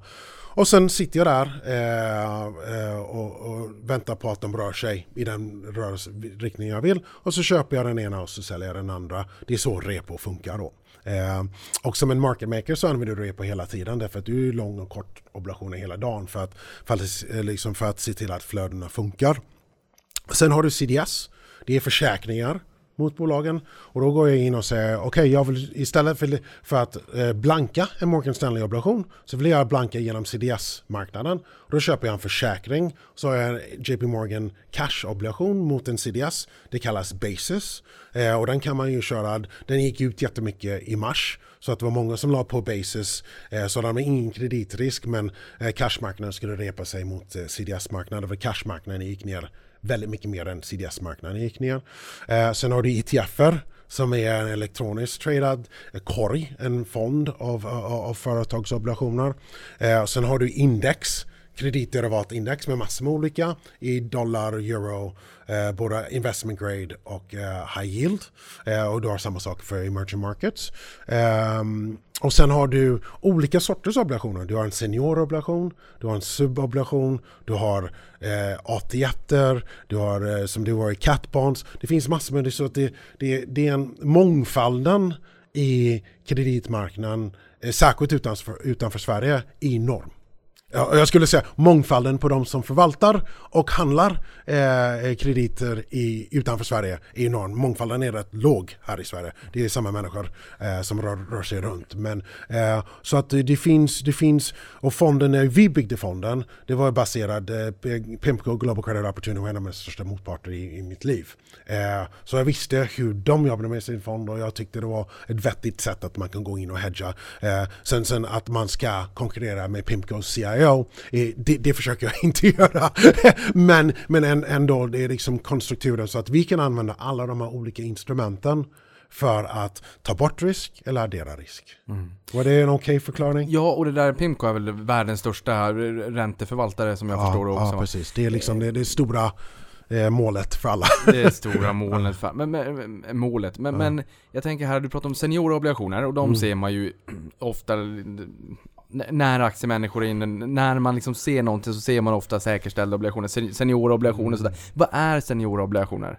Så det är högst upp i kapitalstrukturen. Så att du har covered bonds som är täckta med någon annan asset. Och så En fastighet, Ja, att säga. precis. Ja. Eller, vad, vad, Eller någonting vad det kallas bostadsobligationer tror jag på svenska. Ja, skitsamma. Men det, det, det är säkerställda. Och sen har du seniorobligationer som är senior eh, med en skyldighet av banken, säg. Eh, sen har du sub som eh, kommer ner under eh, den, det är den som är närmast aktie. Så att du har eh, eh, eviga obligationer en, en sorts sub, AT1 är en sorts sub. Så att när du kommer ner från säkerställd senior sub, då, då är nästa i princip aktien. Kanske då någon preferensaktie på, på nivån där också. Och de här Coco som man pratade om, men där nere är också någon Ja, form de är av... de- eh, definitivt där nere. För de, de kan direkt konverteras till aktier. Eh, sub är du oftast liksom, du, du är snäppet ovanför aktieägarna men oftast så åker du liksom på samma smäll som aktieägarna. Men de här seniora då, om vi tar ett fastighetsbolag som, Mm. som åker på eh, problem och har en fastighet som har en, en eh, belåningsgrad på 50% Mm. och sen så tvångssäljs den här, de får in pengar, eh, banken får tillbaka sin, de här säkerställda bostadsobligationerna säger vi, eller ja, kanske när man söker bolån, men i alla fall det är en obligation som är säkerställd och man Mm. har pant i en fastighet i det här bolaget. Bolaget säljer fastigheten, Mm. banken får tillbaka sin pant, det var bara en belåningsgrad på 50%, Mm. de har fått tillbaka det. Pengarna därefter går till de seniora. Eller säkerställda i det här fallet. Eller säkerställda. Ja, precis. Okej. Ja, men vad man får ju passa sig, många fastighetsobligationer, jag har inte tittat jättenoga, men the knock på svenska fastighetsobligationsmarknaden är att eh, många av de här obligationerna har ingen eh, eh, eh, call på, säk- eh, på tillgångarna. Så du sitter i en special purpose vehicle som kallas SPV, eh, där assets finns någon annanstans. Och obligationen finns på, liksom så assets på vänstra sidan och obligationen på höger sida. Så att eh, bara för att man äger en seniorobligation i svensk fastighetsobligation betyder inte att du har en koll på fastigheterna i bolaget. Och det ska man vara väldigt, väldigt försiktig med när man köper vilken obligation som helst, särskilt i Sverige. Att kolla, läs prospekten. Vad är min call on assets ifall den här seniora obligationen går under? Eh, Det finns, det finns hyfsat många fall där du har egentligen, det kallas senior, men du har inte tillgångarna som du skulle tro. Men betyder det att du inte har rätten att tvinga dem att Nej, sälja det en fanns fastighet? ett- Eller att, de, att du inte har rätten till pengarna som fastigheten innehåller? Precis, precis. Så att även om de skulle bestämma sig för att sälja fastigheten där, Det är inte säkert du får dem som obligationsägare. okej. Ja, det är ju en väldigt bra poäng såklart. Ja, precis. Så man ska kolla det väldigt noga. Eh, Du pratar lite grann om blankning också och Mm. jag måste tänka mig, eller jag blir lite nyfiken i alla fall om det är dels läskigt att blanka och jag menar Avanza har kommit ut med aktielån nu, då finns det en kritik att att eh, man kan liksom, trycka ner värdena, att du får ett massivt säljtryck på bolag och att, eh, att man hjälper till att slakta liksom, gräsrotsrörelsen och morgondagens fina stora teknikbolag som kan sätta Sverige på världskartan och sådär. Vad är din bild av blankning? Och här nu tänker jag generellt, Jean George, inte bara kreditmarknaden utan även kredit och aktiemarknaden. Vad är din bild av det? Jag vill säga så här. Om du hade kunnat blanka den svenska kreditmarknaden så hade jag varit kort den. Och i mars så hade jag varit en köpare. Det är så man ska tänka, man, tänka på blankningar. Eh, det är bra. Eh, liksom, om ett bolag har massor med olika intressenter, det är det mer likviditet. Eh, eh, jag tror direkt att ETF-marknaden i USA, repomarknaden i USA och kreditderivatmarknaden i USA gör att den är mycket säkrare som marknad än den svenska kreditmarknaden. Därför att om det finns ingen som kan vara kort, så det kan bara vara lång och du får massor med utflöden, du, vad ska du göra? Det finns ingen CDS, det finns ingen ETF, det finns ingen repo. Då, då, det gör marknaden farligare. Om man tittar på aktiemarknaden, den är mer välfungerande. Eh, men om du äger en aktie och det finns någon som är inne och kortar den. Då ska det bara, och du tror på ditt case. Det är bara att tacka och ta emot. Därför så småningom ska de täcka den blankningen. Och om du har rätt så kommer det göra ont för dem. Och du kommer ha en köptrick tillbaka i aktien. Så att man ska inte ta det som en förolämpning att de har blankat med ett bolag. Game on, let's go! Ja. Det, är- det är liksom en, så att, och blankningar är en viktig del av marknaden. Det är, det, det, det är klart det finns, om du skulle ha en jättehedgefond ge sig på ett svenskt litet teknikbolag. Men vet du vad? De skulle inte göra det. För hur ska de komma ur? Ja, då kan det bli alla tider short squeeze, eller short squeeze, eller som min, min kollega säger, kortklämma. Det var en fin översättning. Men jag tänker mig här på, på kreditmarknaden då. N- när du stiger upp på morgonen, hur, hur ser det liksom en vanlig morgon i, i ditt liv ut? Och så här, vad, vad är det som får dig att trycka på, trycka på köpknappen? Vad är det du är mest intresserad av eh, när du får ett blankt papper och börjar skissa, börja titta? Eh, för oss är liksom, vi tar ju intradag momentum calls. Vi har en portfölj som är en längre eh, vi som, som, som vi, vi har på. Och sen är det, behöver jag plocka av en hedge, behöver jag ha mer hedge. Eh, i, igår var det, det kändes som att det låg och eh, svajade liksom. Eh, eh gungan eh, gick fram och tillbaks. Men vad, vad, vad, jag tittade på igår var, vad fan det finns inga säljare. ETF är inte någon säljare. säljer. Eh, Real money är inte någon säljare. Och då bara, vet du vad? Det är dags att långa här. Eh, jag trodde att vi skulle ner ordentligt igår. Och jag tror att det fanns en risk för att vi skulle göra det. Och det vet ju Fed också. Eh, men eh, och, och, och sen är det så har vi en whiteboard med köp och säljkandidater. Eh, som, som vi tittar på en teknisk bild. Liksom att köpa en obligation som det finns bara säljare av. Det kanske inte liksom, den kommer inte röra sig uppåt lika snabbt i en vändning. Köpa en obligation som det finns bara köpare av. Det är en bättre, bättre situation. Eller den här obligationen sålde vi för att marknaden skulle gå ner. Den gillar vi. Så det första jag gjorde när jag kom in på kontoret i morse så jag gick upp vid, ja, jag var uppe vid tre, uppe vid sex eh, på kontoret vid halv nio-ish. Eh, eh, så fort jag kunde köpa eh, en Virgin, eh, Virgin Media operation som jag sålde på 103 cashpris och jag köpte den på 101,7 i morse. Så jag sparade 1,2 procent eh, från när jag sålde den förra veckan. Det är inte så att jag inte gillar, jag hade 500 000 av den kvar. Men jag vill lägga tillbaks min originalposition. Eh, den är likvid nog så att eh, vi sålde den för att vi trodde marknaden skulle ner. Vi trodde nu marknaden har gått ner den den ska nu i alla fall till en början med. Kanske vi kommer få en smäll senare i sommaren. Eh, då vill jag ta tillbaka den. Så jag har min lista av grejer som jag vill kliva in och eh, eh köpa eller sälja eh, oavsett. Och sen, sen bevakar vi väldigt många obligationer. Så vi bevakar liksom, vi, som jag säger på engelska, we're repeat offenders. Eh, vi är oftast in och ut i samma operation därför vi känner till den. Vi vet den här kommer sticka. Den här kommer gå ner. Eh, liksom, eh, det finns en eh, Uniball, en eh, REIT, eh, Real Estate Investment Trust i England som är shopping malls. Det är den mest högbetta grejen som vi kan ha i boken på uppsidan. Eh, eller på nedsidan så blankar vi den att den ska gå ner. Så att, eh, vi, har, vi har olika instrument och olika obligationer som vi är inne och, in och ut i beroende på eh, vad vi tycker för dagen. Eller om vi, som, som vi gjorde i slutet på februari, vi bara blåste ut så mycket som vi bara kunde. Eller var uppenbarligen inte tillräckligt mycket för marken, mark, vart marknaden gick. Men så, kanske man tar liksom större svep. Eller eh, vi trodde att USA, ehm, eh, Europas QE-program skulle startas på riktigt. Eh, sista ECB-mötet, då hade vi en jätteportfölj i, uh, i, i uh, Europa. Igår så valde vi att gå jättelång i USA. Mer av en timing-grej. Uh, och liksom knock on wood, då, det, det, var absolut liksom 15 miljoner dollar i investment grade och 5 miljoner dollar, 6 miljoner dollar high yield eh, uh, under, under dagens lopp. Uh, det, då var ju upp när marknaden vände på, på starkt sätt igår och eh, så är vi upp igen idag. Så, att, eh, så att det, det, är olika faktorer. Det, just nu liksom när marknaden svänger fram och tillbaks, eh, vad jag blir väldigt stolt över är att Eh, när marknaden var, S&P var ner 7% och det finns en korrelation mellan kredit och aktiemarknaden i den verkliga eh, kreditmarknaden. När den var ner 7% så var vi plus 21 baspunkter. Och sen igår så var vi någonstans runt 20 baspunkter igår när den vände uppåt och så är vi runt 20 baspunkter upp här. Det gör mig stolt. Därför att jag har minimerat nedsidan. Vi visste inte hur långt, vi trodde inte det skulle gå ner till marsnivåerna såklart. Men det kunde ha gått ner till 2800 på S&P var det många som liksom räckte upp handen och sa att det skulle, skulle göra. Och det kan det göra fortfarande. Men att, att få de här intra momentumsvängningarna fram och tillbaks men ändå har asymmetrisk grejer. Liksom en stor position för oss i softbank-obligationer. Jag älskar inte softbank.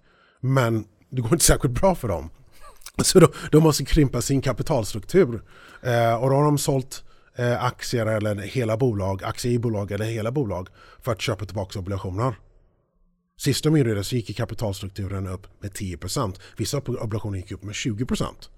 Okej, okay, då, då, har jag en portfölj av dem. Så vi har en portfölj med obligationer som har på något sätt asymmetriskt på uppsida eller nedsida som, som Swiss ligger och sen justerar vi lång eller kort exponeringen baserat på marknadsriktningen.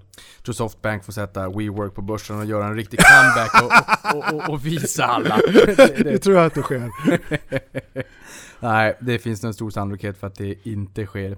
Jag tänker mig kreditbetyg, för Ja. det har haft någon annan ränteförvaltare som har pratat om att ja, men de försökte ändå hitta de bolagen som skulle migrera kreditbetyg och gå från liksom kanske ett nuvarande, eh, kanske ner i jag vet inte om det var junk bonds, men, men i alla fall som, som höjer upp sina kreditbetyg, går snäppet upp så att säga.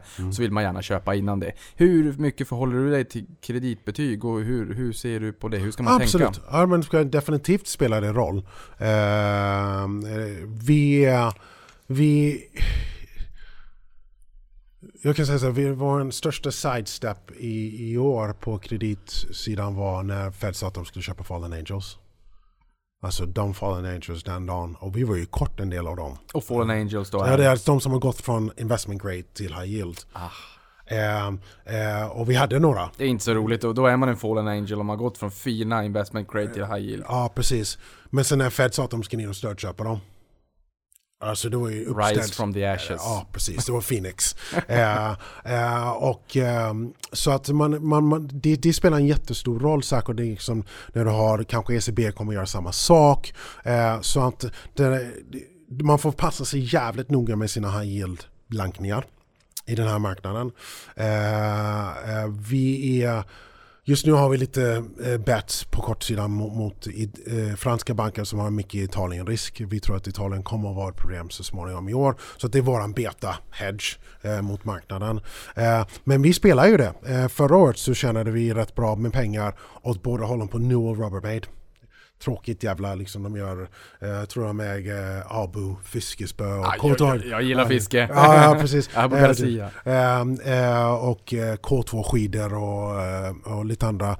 Mycket sport då. Och Yankee Candle. Men de, de kämpade med stora skuldberg och de skulle ner till high yield, de skulle inte ner till high yield.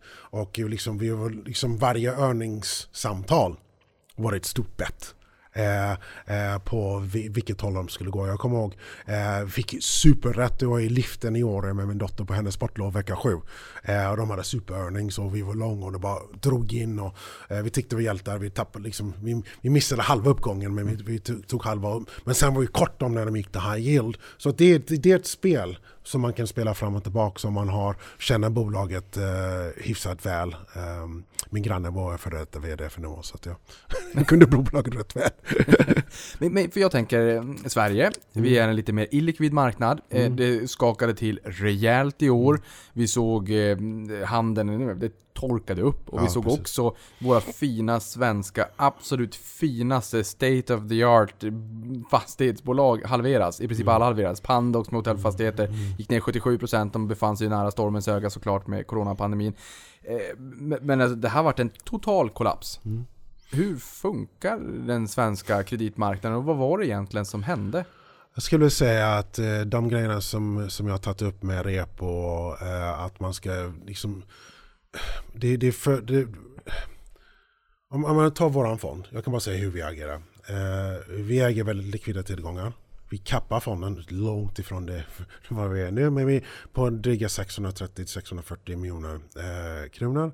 Eh, skulle vi uppnå 5 miljarder så stänger vi fonden. Eh, och då får du komma ihåg att det handlas 30-35 miljarder dollar om dagen i krediter i USA. Så att vi är inte en stor del av marknaden på något sätt. Och vi kappar den ändå. Varför gör vi det? Därför vi har daglig likviditet och min mamma har sagt att jag ska alltid säga det jag har gjort. Eh, hon är från Jamaica och har en wooden spoon. Eh, och eh, eh, den svenska kreditmarknaden är inte lika likvid. Eh, Den är väldigt beroende på eh, flöden, vilket alla marknader är. Men ta exempel, du hade ju samma stora kraftiga utflöden i USA. Samma sak med Europa. Eh, stora skillnaden är att du har inte någon form av eh, trace eller track som det kallas i USA och Europa. Där du kan se hur mycket handlas, till vilket pris. Därför om jag vet vad hur mycket handlas och till vilket pris, då kan jag, då kan jag liksom sticka ut hakan. Om jag har ingen aning vart det handlas och till vilket pris. Om det, om det bara är säljare av någonting så kanske jag inte sticker ut hakan. Eller kanske jag sticker ut hakan och säger att här kan jag göra klipp. Men min, sista priset var här och mitt pris är mycket lägre än det. För det finns bara säljare. Eh, så att vi har en, eh, en, en, eh, en grej som vi räknar på varje, varje månad i, för riskrapporter är Days to Liquidate läggs ju såklart en dag. Men även när jag kommer upp på 500 miljoner dollar i min fond eller euro Eh, så kan jag plocka upp telefonen, ringa Bank America, ringa Goldman Sachs, ringa City och likvidera hela, hela fonden på ett telefonsamtal. Eh, och det, så funkar det inte i Sverige. Och du har aktörerna som, som är för stora. Men vad, om man kommer tillbaka till fastighetsbolagen, varför det blev jobbigt för dem och eh, eh, liksom, i synnerhet de som hade mest belåning. Jag tror att folk missar det. Eh, det. Det är inte belåningsgraden som spelade roll. Det var hur mycket du behövde rulla. Så när du har en kreditkris, om du har en stor skuldberg och investment grade och stor jämfört med storleken av marknaden, då blir ju folk rädda. Därför det är mycket, skuld, mycket obligationer som, man- som ska rullas i en icke-fungerande marknad. Ett exempel som jag gillar att ge, Heinz Ketchup. Eh, de hade en remarkable security, så vad den gjorde var liksom var, tredje år vad det var, så skulle den få en ny kupong. Och så behövde de inte, de tyckte det var smart, så slipper de betala bankerna varje år för en emission, så skulle de bara få en ny kupong. Fast den fick kupongen Lehman-dagen. Så kupongen blev typ 15% eh, för Heinz. Ja. Och jag tror att lyssnarna kanske då fattar att de ketchup som även i en finanskris folk använder ketchup eh, är stadigt bolag, liksom Warren Buffett.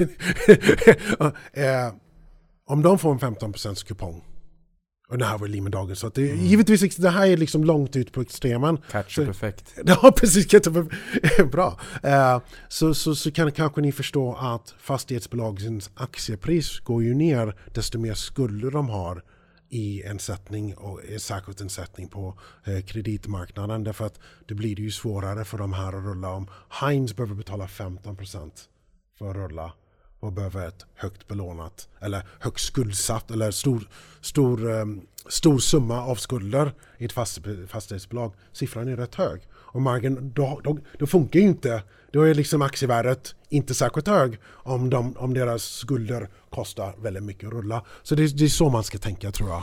Men, men jag tänker den här likviditeten, för vi kommer komma in på vad som krävs för att liksom, eh, säkerställa att det, funktionssättet det här, men det här är, en, är ändå samhällskritisk infrastruktur likt E4 eller Arlanda. Eller, Eh, eller viktigare skulle jag vilja säga. Eller till och med viktigare, du pratade ju där om hur det faktiskt i bottom line till och med påverkar allas våra jobb om inte obligationer kan rullas och våra bolags verks, operationella drift, dagliga verksamhet kan, kan fortskrida. Eh, Då, då har vi ju en depression. Ja, precis. Ja, precis. På riktigt. På riktigt. Eh, Men alltså utlänningarna, de Mm. är ju ganska stora på Stockholmsbörsen. Vad kan de ligga på? En 40% kanske? Mm. Eh, någonting som skulle kunna gynna likviditeten kanske, det är ju också såklart om det finns utländska tagare. Hur, hur, hur pass närvarande är utlänningar på, på svensk eh, kreditmarknad? Ja, jag är kanske den mest, ett par veckor till, alltså den mest närvarande utlänningen tills jag får mitt medborgarskap. Men ähm, äh, jag tror alltså den är för liten för att folk ska, du kan inte komma in och ur den. Eh, Så den är liksom opaque är ordet som folk använder. Liksom det, det, du vet inte, det det är väldigt svårt att få en, eh, dina armar runt marknaden. Eh, emissionerna är väldigt liten. Så en, en benchmark size emission i Europa och USA är någonstans mellan 500 miljoner dollar till en miljard dollar. Boeing lånade 25 miljarder dollar på ett bräde. Verizon lånade 51 miljarder dollar på ett bräde på en dag. Ja. Och då ska du ha de här utländska spelarna komma in i en marknad där de inte kan komma in och ut och de kan kanske köpa eh, 10 miljoner SEK. Det är inte värt deras tid. Och hålla koll på valutan. Ja, och kolla. Alltså, det, det är inte bara det, alltså, det finns ju folk som skulle vilja köpa distressed assets. Eh, men, eh, och jag vet att de tittat på norska, eh, jag har en kompis med en hel del stora distressed fond. Eh, jag tror inte, eh, kanske någon har varit inne in i Sverige, men av mina vänner, det var inte så att någon plockade upp telefonen till mig. Det var, det var faktiskt tvärtom, jag pratade med Global Head of Fixed Income på US, UBS O'Connors hedgefond igår. Och han sa det liksom, men jag, förstår inte varför om 30 fond, fonder, 35 fonder gatar, eh, varför liksom gör de inte om marknaden till en likvid marknad med en ETF och en repo. Liksom, han gick in på det bara preaching to the choir bro. det har jag liksom räckt upp handen och sagt sedan han kom till Sverige. Um, så att eh, ja, ja, det, det, krävs grejer, men alltså Riksbanken gör en undersökning med Blackrock. FI har sagt mycket av de grejerna som Riksbanken, eh, som Blackrock har fått 600 000 kronor för att säga. Eh, FI har ju sagt det innan. Mm. Eh, eh, men förhoppningsvis så kommer ju FI och Riksbanken och Blackrock fram till eh, några saker som gör marknaden eh, säker. Därför att, liksom, kom ihåg, det här är absolut viktigaste jag säger. Det är för alla de som säger att det var bara en jobbig tid för svensk kredit dit. Det var det inte, för det fanns inget annat land där i närheten så många fonder gatade. Och Sverige är inte störst i världen. Nej. Och så på en dag när 35 fonder gatar och en fond som gatar i 11-12 dagar. Eh, alltså de gatade ju på botten så de flesta öppnade den nästa dag och jag förstår att det kanske är en teknisk grej, fine. Men, men, men grejen är det, om, om du hade pengar i en likviditetsfond och de är inlåsta i 11 dagar och aktier spikar. Det kostar dig riktiga pengar. Så det är inte bara att du har fått, okej okay, den är öppen, nu får du pengar. Ja, men du har missat hela den här uppgången. Så att eh, jag tycker det är viktigt att ha en ärlig dialog om vad som händer. Att det finns ju aktörer som är för stora för marknaden. Marknaden tål inte att de behöver likvidera. Men sätt en cap på din fond då. Liksom, vad är dina days till likviditet? Lik, likviditet? där får du behålla, ja, precis, där får du behålla med dig. Swinglishen kommer tillbaka. Men liksom, hur lång, många dagar liksom, i en normal marknad ska du ta dig att likvidera din fond? Ska du vara så stor? Men, men för, för, att liksom säkerställa då den här kritiska infrastrukturen, vad, vad, är, eh, vad är det viktigaste att fokusera på för att säkerställa att den här fungerar bättre i framtiden? Alltså price discovery är kanske det absolut viktigaste. Så att vi kan, så alla vet. Liksom, så, att, liksom, så att alla fonder säger, vet du vad, det, i en normal marknad så skulle det ta oss två år att likvidera våran fond. Då vet folk vilken likviditetsrisk de tar. Som det är nu så har folk, de flesta bara, ja det är en riskklass 2, det är en riskklass 3. Det känns tryggt. Jag sätter mina pengar, det är som pengar på banken. Då sätter jag dem där. Men det är det ju själva verket inte. Därför det finns en, liksom, eh, volatiliteten som har gjort att de är en riskklass 2 eller 3 är i själva verket i likviditet. Så de tar en jättelikviditetsrisk för att få ner volatiliteten för att sälja som en riskklass 2. Så riskklassificeringen ska ändras. Du ska veta hur lång tid det tar att likvidera fonden under en normal marknad. Vi behöver en repomarknad. Det fanns en Oscar Property Bond som handlades på en, den hade en 11% kupong dock. Men den handlades fram till den 27 april så var den på skärmen på 103 cashpris. Oscar Properties på 100... Mm, nej, vi aktiemänniskor vet att den, det, det, vi vet vad som har hänt med Oscar Proppen. Ja, och den var kvar på skärmen till på 103 till 27 april. Hade man kunnat blanka den, du, du, du, hade, du behöver inte kunna någonting om kredit och säga att jag får tillbaks max 100. Och jag kan sälja den på 103 Oscar Properties. Yours. Du pratade om 2007 när du sa hallå grabbar det brinner här borta. Det här kanske blir liksom den omvända. Där, ja, ja. Det, det, såg vi att det brann i Oscar Properties ja. på, på aktiesidan. Um, ja, och det är bara för att det fanns ingen som sålde den. För att du kunde inte låna den. Och då fick ju liksom... Du, du, du, du får folk en skev bild om volatiliteten. Men i det här fallet så gick den från 103 till 45 på en dag. Men 103, var det för att det var senast betalt och att det var, ja, jag vet inte. jättelänge sedan? Det var någon som pekade ut den till mig. Jag, jag har inte kollat så noga i den, men det är ett sånt perfekt exempel. Ja. Liksom, skärmarna uppdaterades inte och då uppdaterades förmodligen inte priserna hos fonderna som ägde den eller försäkringsbolagen som ägde den. Därför de kan titta på skärmen, den är på 103. Men en, en, liksom en vettig människa säger att den handlas ju inte på 103. Så en hög implicit risk egentligen när man ser att man, man sätter en avsättning på någonting som står 103 och sen vet de som sitter i marknaden att det där, det där är way off off. Ja, precis. De behöver market access. Ja, precis. Ja, bokstavligen. och låta folk blanka den. Och låta folk blanka den. Därför då blir det en ärlig prissättning på saker och ting. Så ha en öppen repomarknad där det liksom, så fort, liksom om alla som blankar någonting inte kan få tillbaka den då, då är det inte, inte, inte en schysst liksom att göra en squeeze så fort du får blankningar på fel pris. Eh, vilket man, man skulle kunna göra. Så det, det, det är marknadsstrukturen. Vi skrev en helt stycke i våra månadsbrev om, om, om det sist. Jag får ju den frågan väldigt ofta, det är därför jag skrev det. Eh, det, det. Det finns ju många grejer som inte är särskilt svåra. Eh, men man måste i alla fall liksom ha en come to Jesus talk. Det var inget annat land som gretade så många fonder. Där är Sverige, Sverige speciell. Där var ni duktiga. Det är Någonting annat som du äger förutom att du är lång i bond så jag kan även gå kort eh, så är det ju det vi har pratat om här en del under podden är ju CDS-erna. Mm. Varför är eh, CDS-erna intressanta? Credit Mm. default swaps, berätta vad det är för någonting också. Det enklaste sättet att förklara en credit default swap är en försäkring. Så att jag köpte en försäkring på Avanza. Skulle Avanza bli förkyld så går ju premien upp. Då, får jag, då, då börjar jag tjäna pengar. Får Avanza cancer, då tjänar jag ännu mer pengar. Dör Avanza så får jag eh, maxutbetalning bero- beroende på vad, som jag sa förut, så JC Penney hade en recovery på tre. Livförsäkring? Ja, precis. Eh, Så det är väldigt enkelt förklarat. Det köper man på bolag. Och varför använder man CDS? Det är för då behöver man inte gå in till repomarknaden. Det finns ingen squeeze att de som äger obligationer säger jag ska squeeza den här jäveln eh, och trycka ut honom med blankningarna. Mycket billigare sätt att blanka. Och sen varför den fick lite skit för finanskrisen är att om jag handlar en CDS-kontrakt eh, så lägger jag, så säger jag att jag vill ha en miljon dollar i risk så lägger jag fram 5% av det. Just Så, så, så du, du kan belåna, så när, när, när folk frågar hur belånar du din fond? CDS.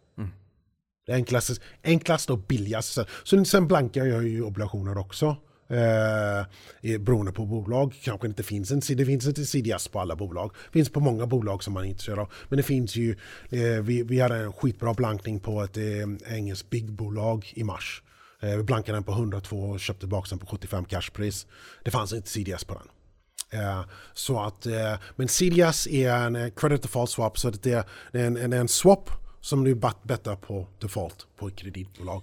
Men om du menar premien på 5% då kan du ha en, en, en 20 gångers häv.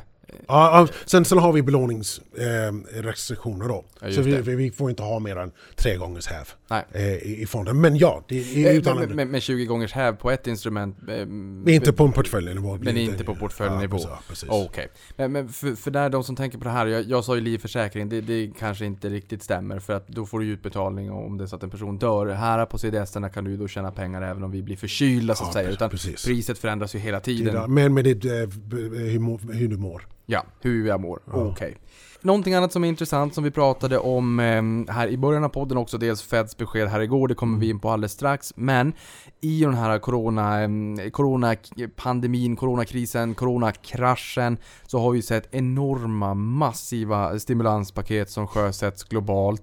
Eh, Hur påverkar de kreditmarknaden? Hur är ditt jobb idag i förhållande till förr i tiden? Sätt- Sätter de här enorma stimulanserna från statligt håll Eh, marknaden ur, ur spel. Är din vardag annorlunda idag jämfört med när du en gång kärade ner dig i den här marknaden? Ja absolut, alltså du kan ju inte, marknaden, alltså det, att Fed klev in med det eh, paketet som de gjorde igår, det, det behövdes inte. Det, det, det är klart det hjälpte marknaden och marknaden, jag sa ju precis att vi var kort marknaden från förra veckan för att den eh, upplevdes som illikvid eh, i, i våra mått mätt då. Det gick, vi var ju inte tvungna att stänga fonden. Eh, Men, eh, men att Fed kliver in så snabbt eh, när vi har knappt fått någon sättning. Eh, och så, så, jag, jag gjorde en tweet eh, igår, liksom, eh, de som går på Handels nu kommer, kommer ha det väldigt lätt. Liksom, svar, svar på alla frågor är Fed. de löser ju allt. Eh, Det är lite det och- där klassiska pappa betalar. Ja precis och, och, och tyvärr så, så var det i slutändan vad det gör så att det ökar ju risktagandet eh, till, eh, till nivå liksom och och de som, är, de som har skött sig eh, får inte utdelning för det. De som har hanterat sin likviditet får inte ut- utdelning för det. Liksom de, de sämsta grejerna går bäst nu. Får, får vi liksom, sätter vi darwinismen ur spel? Ja. Och det är samma sak, de kastar ju bra kapital till dåliga bolag. Med flit. Och, jag, och det, är inte, Niklas, det är inte så att jag inte förstår vad de gör. Jag, jag, jag förstår vidden av där vi befinner oss i världshistorien. Det, det är inte det. Men om vi tar, om vi, om, om vi tittar fram två år. Vi har slängt bort hundratals miljarder dollar till dåliga bolag Så bra fräscht kapital till dåliga bolag. Vad gör det för oss, för tillväxten, innovation, allt sånt där? Det är inte, det är inte, det är inte kapitalallokeringen fungerar inte som den ska. Sen kan vi ta ett steg tillbaka. Okej, men vad är ditt svar? Vad fan ska de göra annars? Jag har ingen bra svar på det. Men, är- men är, det, är det sysselsättningen man försöker försvara på bekostnad av, av eh, f, f, kom, framtida generationer som får betala tillbaka det här Ja, kalaset? min dotter och dina barn kommer få betala våra skulder. Så att liksom vi har pansat eh, våra barns eh, framtid för våra föräldrars liv. Det är i princip det som vi har gjort nu. Mm. Det skänker ju lite eftertanke såklart. Ja, det är. Och grejen är det, liksom, det är inte så att jag... Det, det klassiska jag säger till folk som har jobbat med liksom, men du kommer bara med problem. Kom med problem och en lösning. Men den här är ju... Det är klart det, det, är, klart det är lätt- lätt att kasta, liksom, eh, kasta skit på Fed och ECB och så vidare. Men, men vad, är, vad, är val, vad är dina valmöjligheter? En depression? Det vill ju ingen ha. Det är, liksom, det, är, det är det värsta som vi vet från ett ekonomiskt perspektiv. Eh, så att det, de gör det de behöver göra men det kommer kosta framtida generationer väldigt mycket. Och det gör mig ledsen och orolig. Ja, och jag menar någonting här, vi pratar om depression på ena sidan och å andra sidan är vi liksom att trycka ut massiva stimulanser med massor av pengar som någonstans ska betalas tillbaka. Vi har också social orolighet som var ett tema som du skrev om i slutet på förra året. Nu har vi sett det presidentval i år, vi har sett Black Lives Matters som också har blivit en, en, en oerhört stor eh, fråga globalt. Eh, uppenbarligen så eh, kanske jag här i lilla Sverige inte riktigt har förstått det fulla allvaret hur, hur hur allvarlig den här frågan är i USA för att jag Mm. känner inte igen det från, från min vardag att det skulle Mm. vara ett problem. Eh, oavsett om du är eh, vit eller, eller eh, mörkhyad eller vad den är. Det är, liksom, det är inte en del av min vardag men Mm. i USA är det ju så mycket mera infekterat på något sätt. Jag vet inte om, om vi svenskar har förstått det där riktigt. Hur, hur pass mycket, om vi tar den frågan lite grann och hur Ja. den påverkar de finansiella marknaderna. Eh, Din bild av, av Black Lives Matters och, och, och behovet av den rörelsen och liksom den, den, den, den, det såret som finns i amerikanskt samhälle och det påverkar marknaden. Ja. Så att vi började skriva om social oro. Jag tror att eh, du hänvisar till våra eh, årsbrev för 2019 och det var kanske den enda som vi hade rätt för 2020 på, på social oro. Allt annat kan man slänga ut genom fönstret. Eh, men då, där skrev vi att liksom om man tittade på tongångarna från 30-talet och sen fick vi i mars vad de här rörelserna var som 30-talet. Så att man, och sen har man en högersvängning som också som eh, 30-talet eh, och de här sociala klyftorna. Som, och det är risken det med Fed gör, eh, jag kommer tillbaka till din fråga, eh, det är risken som Fed gör att the haves versus have-nots, Jeff Bezos är rikare än någonsin och de, de, de som inte har pengar på börsen har ingenting. Eh, så att, och det kommer tillbaka till den här sociala oron. Och eh, man får ju komma ihåg att liksom, det är inte bara Black Lives Matter. Eh, det är liksom Le- Libanon, det är Hongkong, Just. det är Sydamerika, eh, det är Brexit, eh, och Black Lives Matter också. Eh, hela situationen med I- Italien mot EU, eh, det har Ungern, det som händer med liksom, en total- totalitär eh, förtryck från Orbán där han tar väldigt mycket makt. Eh, Turkiet, där det sitter liksom tiotusentals i, i fängelsen för att eh, de har ju protesterat mot eh, Erdogan. Så att det här är någonting... Arabiska våren. Ja, precis. Och det här är någonting som man får komma ihåg att eh, det spelar ingen roll tills det spelar roll. Det här är en som ketchup effekt igen. Men eh, det här är någonting som, som vi vet att till slut så kommer det här in i politiken och det kommer in i beslutsfattarna. Och, liksom, risken är att, eh, att du får strong men runt om i västvärlden att, att, att klampa ner på law and order. Eh, och att vi förlorar våra rättigheter. Eh, demokratin eh, försämras. Eh, eh, att du har i Turkiet centralbanken styrs av hans styvson. Så att det, det, det är inte många steg ifrån där in i marknaden och påverka oss. Och eh, så kan man ju tycka som en mörkhyad, inte jättemörkhyad men icke-vit man. Eh, det som svenska polisen anklagas för att liksom, eh, kallas för mördare och de ska dö. Det är så jäkla orättvist. Liksom, det är klart att det finns rötägg som, som svenska polisen, Likaså det finns rötägg som vanliga människor. Eh, och det finns säkert rasister där, men jag jobbar säkert med rasister på mitt bolag. Liksom, det, det, finns ju rasister och det finns dåliga människor, det finns bra människor, det finns icke-rasister överallt i samhället. Eh, eh, så att jag tycker liksom svenska polisen ska inte ta så mycket skit från Black Lives Matter situationen. Därför att som mörk man som har bott i amerikanska södern, eh, jag är inte rädd för svenska polisen. Så, och så kan jag lämna det där. Min, Eh, min lillebror är polis, han är snäll. Ja, precis. Eh, så, men sen liksom, eh, min amerikansk fotbollscoach som jag fortfarande är bästa kompis med hans son gick på hans begravning. När jag var liten han var chief of police i den staden som vi bodde i, i Florida. Så att, så att, men, men den här rörelsen och den här uppgivenhet, eh, att man inte har möjligheter. Och, och i Sverige får ju liksom lite come to Jesus, det finns ju stora samhällsklyftor i Sverige också. Förorterna finns.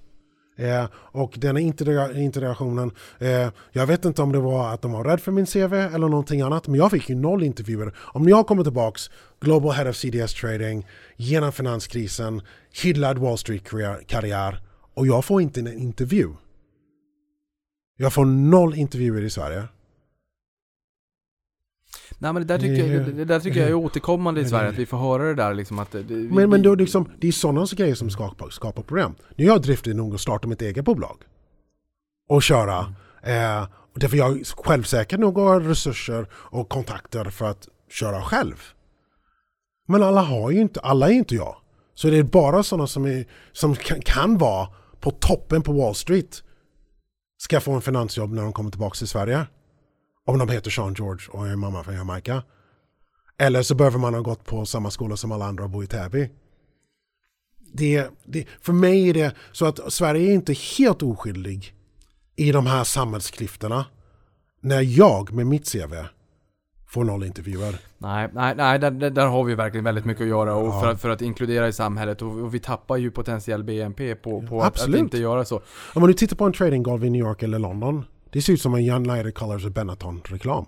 Det är inte för att de väl tycker det är coolt. Det finns ju hur många Harvard-studier oavsett var du tittar. Mångfald ger bättre eh, beslutstagande system. Om alla har gått på samma gymnasie i Danderyd och, och gått på KTH eller Stockholm. Då har ni ju samma bakgrund. Hur ska ni kunna ta bättre beslut om ni har samma referenspunkter? Om du har folk från hela världen som du har på tradinggolven i omvärlden. Det tas ju bättre beslut och det finns olika infallsvinklar. Om man lyssnar på varandra, man håller ju inte med. Man har ju haft massor med liksom, nästan liksom, som har skrikit liksom närmare än du och jag sitter på varandra. Och så tar man en bärs på kvällen. Ja. ja Och det är det, och liksom den här konfliktsräddheten och icke-mångfalden, i alla fall i min bransch, är skadligt för branschen. Därför ingen ville anställa mig och ingen ville lyssna på mig. Men i oktober 2019 skrev jag om vad som hände i mars 2020. Exakt. Det, det, det, är, det är tänkvärt och vi har uppenbarligen eh, en ordentlig hemläxa att göra och liksom eh, se om vårt eget innan vi, vi kritiserar resten av Men, världen. men med Sverige, jag kan säga, jag har bott i USA, jag har bott i Sverige. Alltså Sveriges problem är en bråkdel av USA. Så man ska inte liksom dra det hel, hela vägen. Men det är inte, och polisen är definitivt ska inte ta, ta någon skit. Men, men samtidigt, liksom, man ska titta i spegeln och rannsaka sig själv. Liksom, som du gör jag, jag vill vara bättre idag än jag var igår. Det är mitt mål. Och sen, sen får jag, har jag grejer som jag kämpar med kontinuerligt med mig själv. Och jag gör misstag och det är okej. Men i alla fall försöker jag om att göra rätt. Men man kan inte göra om och göra rätt om man inte är ärlig om sina misstag. Det är en, en, en nyttig läxa och det är eh, verkligen en, ett sanningens eh, ord får man säga. Jag tycker att det är lite roligt att min mamma kommer från Jamaica för att min förutfattade mening kring Jamaica det är att det är lite manjana manjana och du är ju som en Duracell-kanin. ja, precis. men, men jag tänker, vad tycker du att man som aktieinvesterare bör, bör lära sig av kreditmarknaden? Man ska komma ihåg att den finns och den spelar roll. Så att dina bolag som du äger i din aktieportfölj finansieras av den marknaden. Eh, så att försöka hålla ett litet koll på, på marknaden. Det finns ju rätt många människor som kommer in till mig nu. Eh, särskilt journalister, eh, liksom Jakob eller, eller eh, ja, eh, jag var på Trading Direct nu i morse. Eh, som, så fort det händer någonting i, i um, kreditmarknaden så frågar mig hur det mår. Eh, och sen, sen, sen kan jag ju svara på ett väldigt enkelt sätt i och med att jag har behövt svara på den frågan i hela mitt liv. Men kreditmarknaden är superviktigt för alla era bolag. Eh, jag tror att eh, den som inte tror på det jag säger, tittar på hur fastighetsbolagen gick i mars. Det var inte så att fastighetspriserna föll. Det var att folk var rädda på vad deras nya obligationer skulle kosta. Eh, så att det, det kommer ju tillbaks. Och transmission är inte lika snabb som i mars normalt sett. det får vi komma ihåg. Men Heinz på 15,5% funkar inte för Heinz heller. Nej, herregud. Någonting annat som, eh, som jag tycker är intressant, det vi har ju pratat om hur, hur viktig kreditmarknaden då är och att man bör ha koll på den, inte minst då i den här våren när den frös till is. Då insåg vi verkligen hur, hur viktig den var. Eh, hur, hur eh, viktigt tycker du att det är att ha koll, nej, nu är du jävig i och för sig, men att ha koll på bolagens balansräkning? För jag menar, i, i goda tider brukar man säga att man har jättekoll, bra koll på resultaträkningen, that's what matters. I sämre tider då är det all in balansräkning. Eh, kapitalstrukturen inte minst, jag menar det är ju nat- ett naturligt inslag i bolagen att ha, ha en, en viss skuldsättning. Ehm, och sen så refinansieringsbehovet i närtid och mixen, hur, hur refinansieringsbehovet kom i närtid och kanske på lite längre sikt ser ut. Så att, hur, hur- viktigt är det med balansräkning, kapitalstruktur och refinansieringsbehov som en aktiemänniska? Alltså, eh, re, eh, refan, vi- refan, fin, refinansieringsrisken blev ju akut i mars. Så, så bolag som behövde rulla lån i mars hade problem. Men så får man ju komma ihåg att de flesta bolag behöver inte pengar på ett år. Men så finns ju high yield-bolag som behöver definitivt pengar inom ett år. Så att det kunde ha kärvat sig ordentligt för high yield-bolag. Det är därför man inte, och jag, jag, jag säger det så starkt som jag kan, att likviditetsfond ska inte äga high yield. För att Mars är case studyn. Det var en svart svan, men det finns ju andra grejer som händer eh, runt det. Så att eh, investment grade-bolag, de klarar sig i regel länge. Men du, en triljon dollar tog till i november förra året i investment grade i USA. Det hände i slutet på maj i år. Så bolagen såg det här framför sig och tryckte obligationer som aldrig förr. Därför varför gjorde de det? Kunde du ta in kapital nu? Till vilket pris spelar ingen roll. Därför att om det är en depression, vilket vi vet fortfarande inte om det blir, då hade de kapital. Så att eh, refinansierings... Refin, herregud vad svårt. Refinancing. Eh, eh, risken blir mer akut i, i, i, i kriser och sen är det balansräkning och resultaträkning. Liksom, de är mindre viktiga nu därför att det är likviditet, likviditet, likviditet. Det är kanske det enklaste sättet att svara på den frågan. Eh, men kort fråga bara. I månadsbrevet så pratar du om låg och högbeta papper på, på kreditsidan. Det här känner vi till från aktiemarknaden. Låg och högbeta papper, eller låg och högbeta aktier. Som svänger mer eller mindre än börsen så att säga om vi tittar lite historiskt. Är det så enkelt som att säga att det är sak samma på kreditsidan? Och vad är ett låg och högbeta eh, papper där? Oftast är lågbeta är IG versus high yield. Eller i vår, vårt fall så går vi ofta ner i kapitalstrukturen på AT1 i bankerna. Så att vi kan, eh, vi kan ha en eh, IG-blankning och en, en, eh, en AT1. Så, så just nu har vi en, eh, vad blir det, vi har en 18% position i AT1 nu. För, för det där är intressant. Hur, hur långt ner vågar ni gå? För vi pratar om de här säkerställda obligationerna med, med panter, exempelvis fastigheter. Vi äger allting hela seniora- vägen nu. Hela vägen, hela registret. Ja, vi äger hela vägen nu.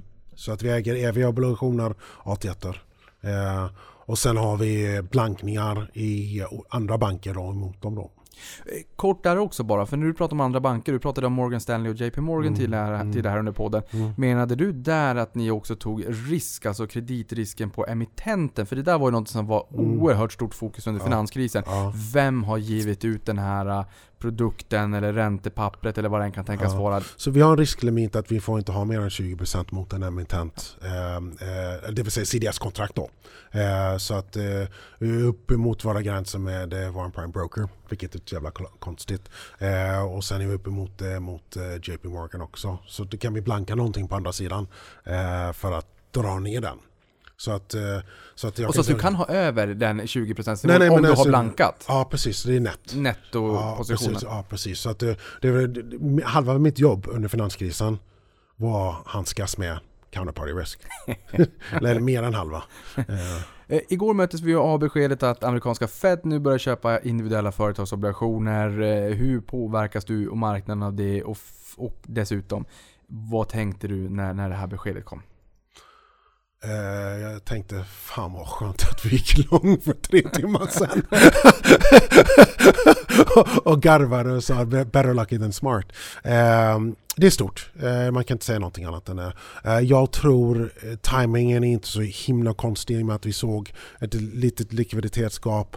Eh, men jag tror det är mer än eh, eh, att få ut det här i marknaden. Att, att det här, vi, det är väl, under en lång period så rallade kreditmarknaden utan att de köpte tweet. Och så gick de in och köpte lite, det är stora siffror, men i, till marknadens storlek lite ETFer.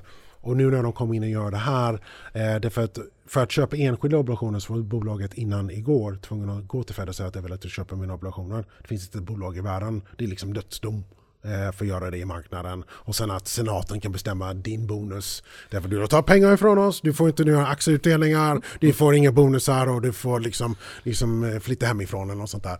Ehm, Eh, så att det var stort. Och sen att, eh, att de skyddar Fallen Angels eh, som det får om du kollar på datumet de satt. Om det var investment grade innan 27 mars tror jag det var eh, så, så var du skyddad. Eh, så att eh, det, det, det är historiskt. Det kan man inte säga någonting annat än. Och de pratar jag tror det 750 miljarder dollar. Men den stora grejen är att bara fram till pre-covid levels. Så att det är inte så att de kommer pressa in marknaden till oändlighet de kommer ta marknaden till den var innan covid. En, jag tror det var på en obligationsnivå. Så att eh, vad det gör är att du har högbeta att kompensera. Eh, som tur var så gick vi i lång high yield obligationer igår. Och vad det, vad det också gör är att det ger en slut på det. När vi har kommit förbi eller till närheten av pre-covid levels. Då rör de sig tillbaka. Just det, så då behöver man inte oroa sig för att det här kommer vara för evigt, utan det är en liten Jo. boj i kreditbukten. Men kan vara. Ja, därför vad de har gjort nu är att det här programmet finns. Ah, man, har, man har släppt, man har spräckt ytspänningen. Ja, precis. Och då kan de starta nyckeln igen. Ah. Så nu har de, därför problemet är att de hade säkert gärna velat köpt kredit innan. Men det fanns ju inte mekanismen. Det är inte liksom bara ut och köpa hej vilt. Det måste ha ju liksom dokumentation, regelverk och allt sånt här. Och nu har de ETF-sidan och de har eh, enskilda obligationssidan. Och den är klar. Och eh, alltså, skämsamt så, så nästa steg, det enda som är kvar är aktier. Det enda som är kvar är aktier. Jag såg amerikan, eh, japanska centralbanken de äger över 80% av eh, ETF-marknaden just nu.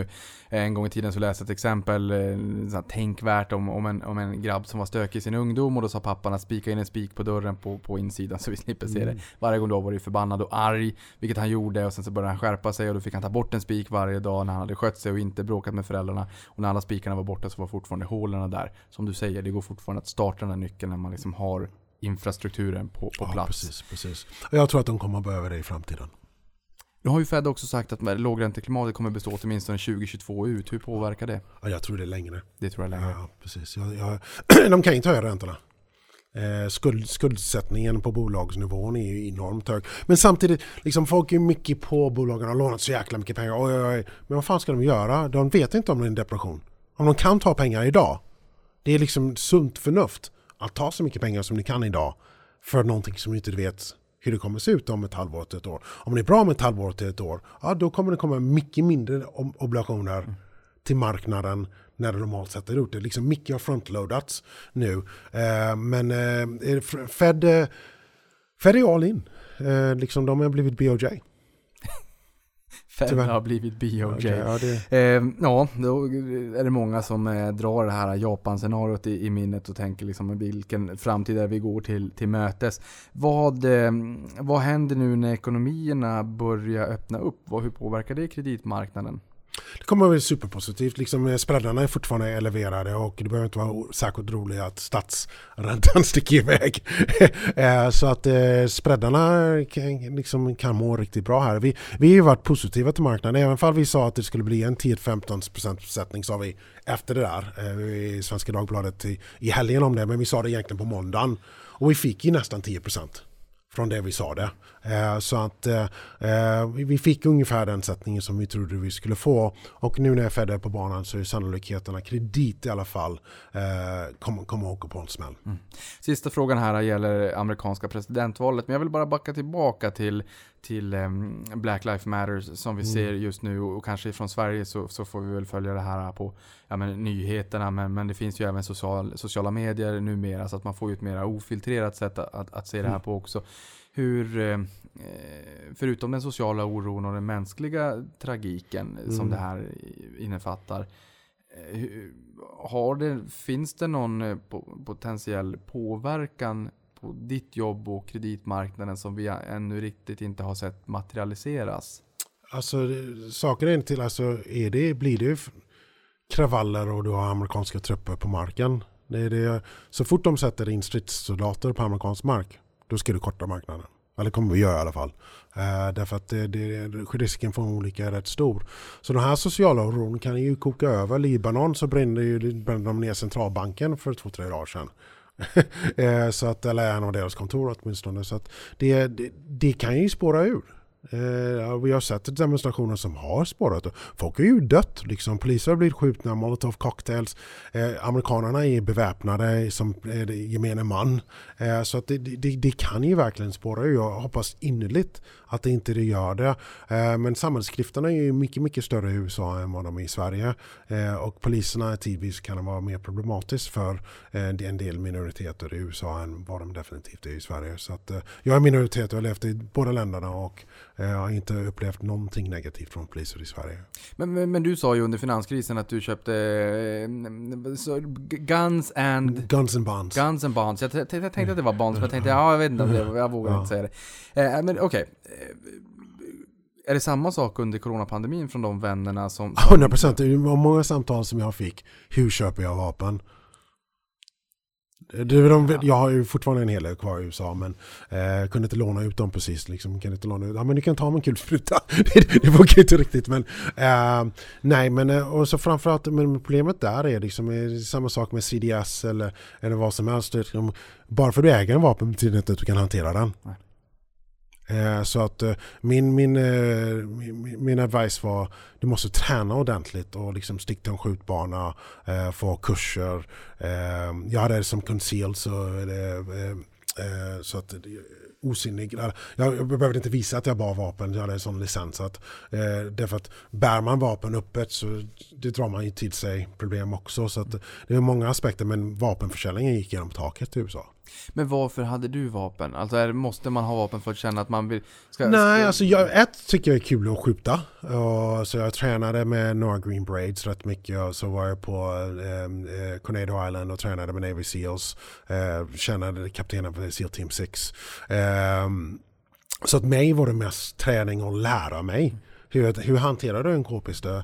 Eh, hur hanterar du som hagelbössa, slugs, eh, spränga saker? Det är kul. Eh, jag har varit inne på eh, Drug Enforcement Agencies shoothouse eh, där vi sköt på varandra med gummikulor i mörkret och skulle ta loss en gisslan. Eh, eh tränat på massor med olika sätt. Taktisk skjutning, eh, liksom en ta en byggnad. Så att jag tyckte det var spännande. Den mentala aspekten, hur man hanterar det, hur, man, hur militären... Jag, jag skrev upp mig för att vara med i US Marines så liksom det är väl kanske det, det som jag, jag, jag saknar i mitt liv, att jag inte fick en militär eh, upplevelse. Och liksom många i min familj var i militären, eh, airborne eh, och så vidare. Så Då får att, du nu när du får svensk medborgarskap så har du hemvärnet. Ja precis, så får jag gå med där.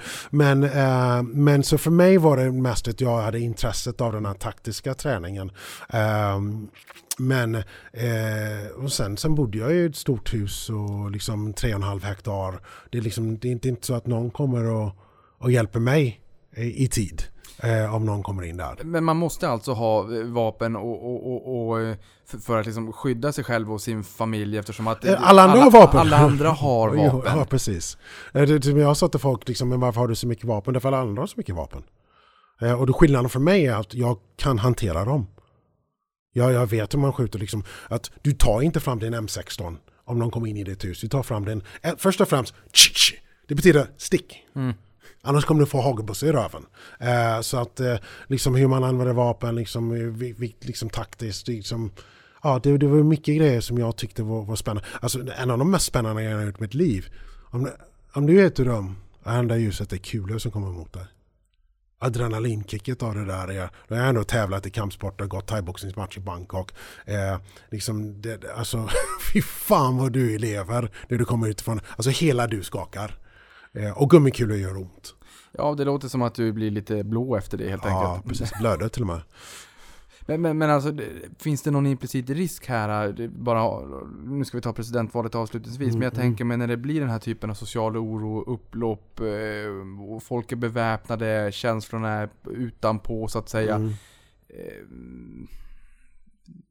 nu är ju ni van med, med vapen och att ni, ni har liksom haft den möjligheten under så lång tid i USA. Mm. Men ändå eh, förhöjer inte risken på något sätt? Eller är det bara att ni, ni har haft vapen så länge och ni, ni har lärt er att leva med det och man måste ha ett vapen för att liksom få upp till status quo? Eh, Mm. Om det är någon som kommer in och försöker bryta sig in. Eh, Mm. Ja, då, och grejen är det, det är så här, liksom, bo, liksom, bo på tre och en halv hektar och liksom inte en granne i närheten. Eh, det är klart, liksom, för mig är det som en hagelbusse så hade jag liksom fastgjuten eh, kassaskåp i mitt walk-in closet bredvid, bredvid min säng. Eh, men alltså det är en kapplöpning. Därför att jag vet att kriminella har ju vapen. Och det har hänt liksom eh, massor med hemska grejer. Eh, så att liksom för mig, liksom, om man lägger 150 000 på, på vapen, det, 150 000! Ja, jag hade rätt många. Eller 10 000 kulor. så runt 15 000 dollar la jag på det. Tyckte jag var en billig hedge. Och så gick jag lång idiot mycket obligationer. Herregud. Ja men då har jag ju fått... Det hade gått Mad Max. De obligationerna hade inte hjälpt mig. För de här 10 000 kulorna och k-pistolerna och Glocks och allt annat hade hjälpt mig. De och Heinz Ketchup. Då har jag, Ah. fått, då har jag fått en förklaring till, till vad du eh, menade när, du- när du gästade oss under uppesittarkväll och berättade där. Utan då var det ju fa- faktiskt bokstavligen. Men förutom den här sociala oron, du har ju ett presidentval nu också i, i höst. Eh, 2016, eh, november, 8 november gick vi och la oss i Sverige, 9 november vaknade vi väl upp, då hade president Trump eh, bl- blivit vald president. Börsen var ner 3,6% i Sverige som mest, stängde 1,2% upp i slutet på dagen. Jag vet inte riktigt hur, hur rapporteringen var i Sverige, förmodligen inte kanske åh, exakt likadan som den var på plats i USA.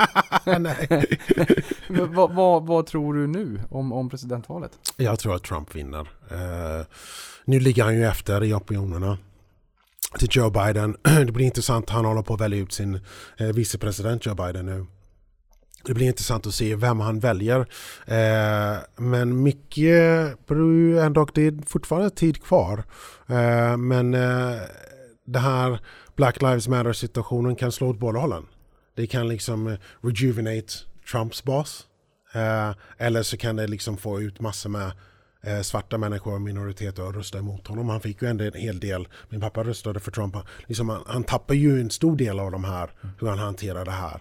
Eh, och eh, så att jag skulle säga att håll ett öga på det därför att det, marknaden är prissatt för Trump-val, eller Trump-vinst. Eh, blir liksom prissättningen på en Biden-vinst är en lägre marknad eh, på risktillgångar.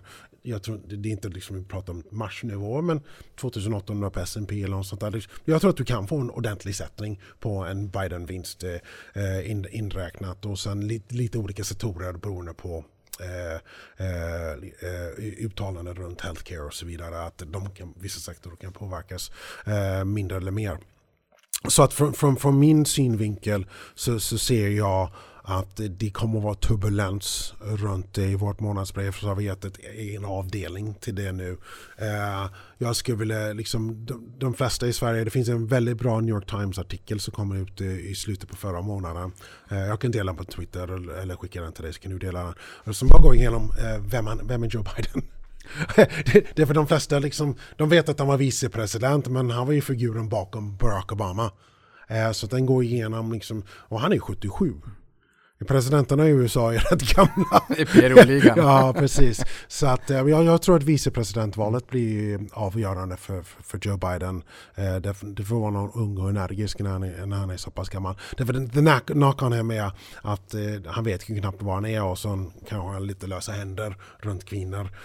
Men Trump har ju inte vi behöver inte säga vad han sa om kvinnor men det har varit en del eh, grejer runt det. Men, så att det, det blir intressant. Jag tror att det blir närmare val än, eh, än, än, än Hillary. Det var många, och, och det förstod jag, jag röstade på Hillary men- mest för att jag röstade mot Trump. Eh, men det var många av mina kompisar som kunde bara inte rösta på Hillary. De hatade henne så mycket. Och det förstår jag liksom. Eh, Clintons var inte bra för USA. Eh, men samtidigt, eh, jag vet inte om Biden är bra för USA heller. Liksom hans kopplingar till Kina och hans, liksom, hans sons uppgifter i Ukraina och så vidare. Eh, Ja, liksom Trump är ju bäst för ekonomin, bäst. eh, eh och eh, han kommer förmodligen vara hårdast mot Kina. Jag tror att det är, västvärlden behöver ta ett kliv upp. Liksom, det är ju, om, om du tycker om mänsklighet så kan du inte tycka om det som eh, eh kineserna gör mot Ergis och eh, hur de hanterar sin diplomati, hur de hanterar Sverige.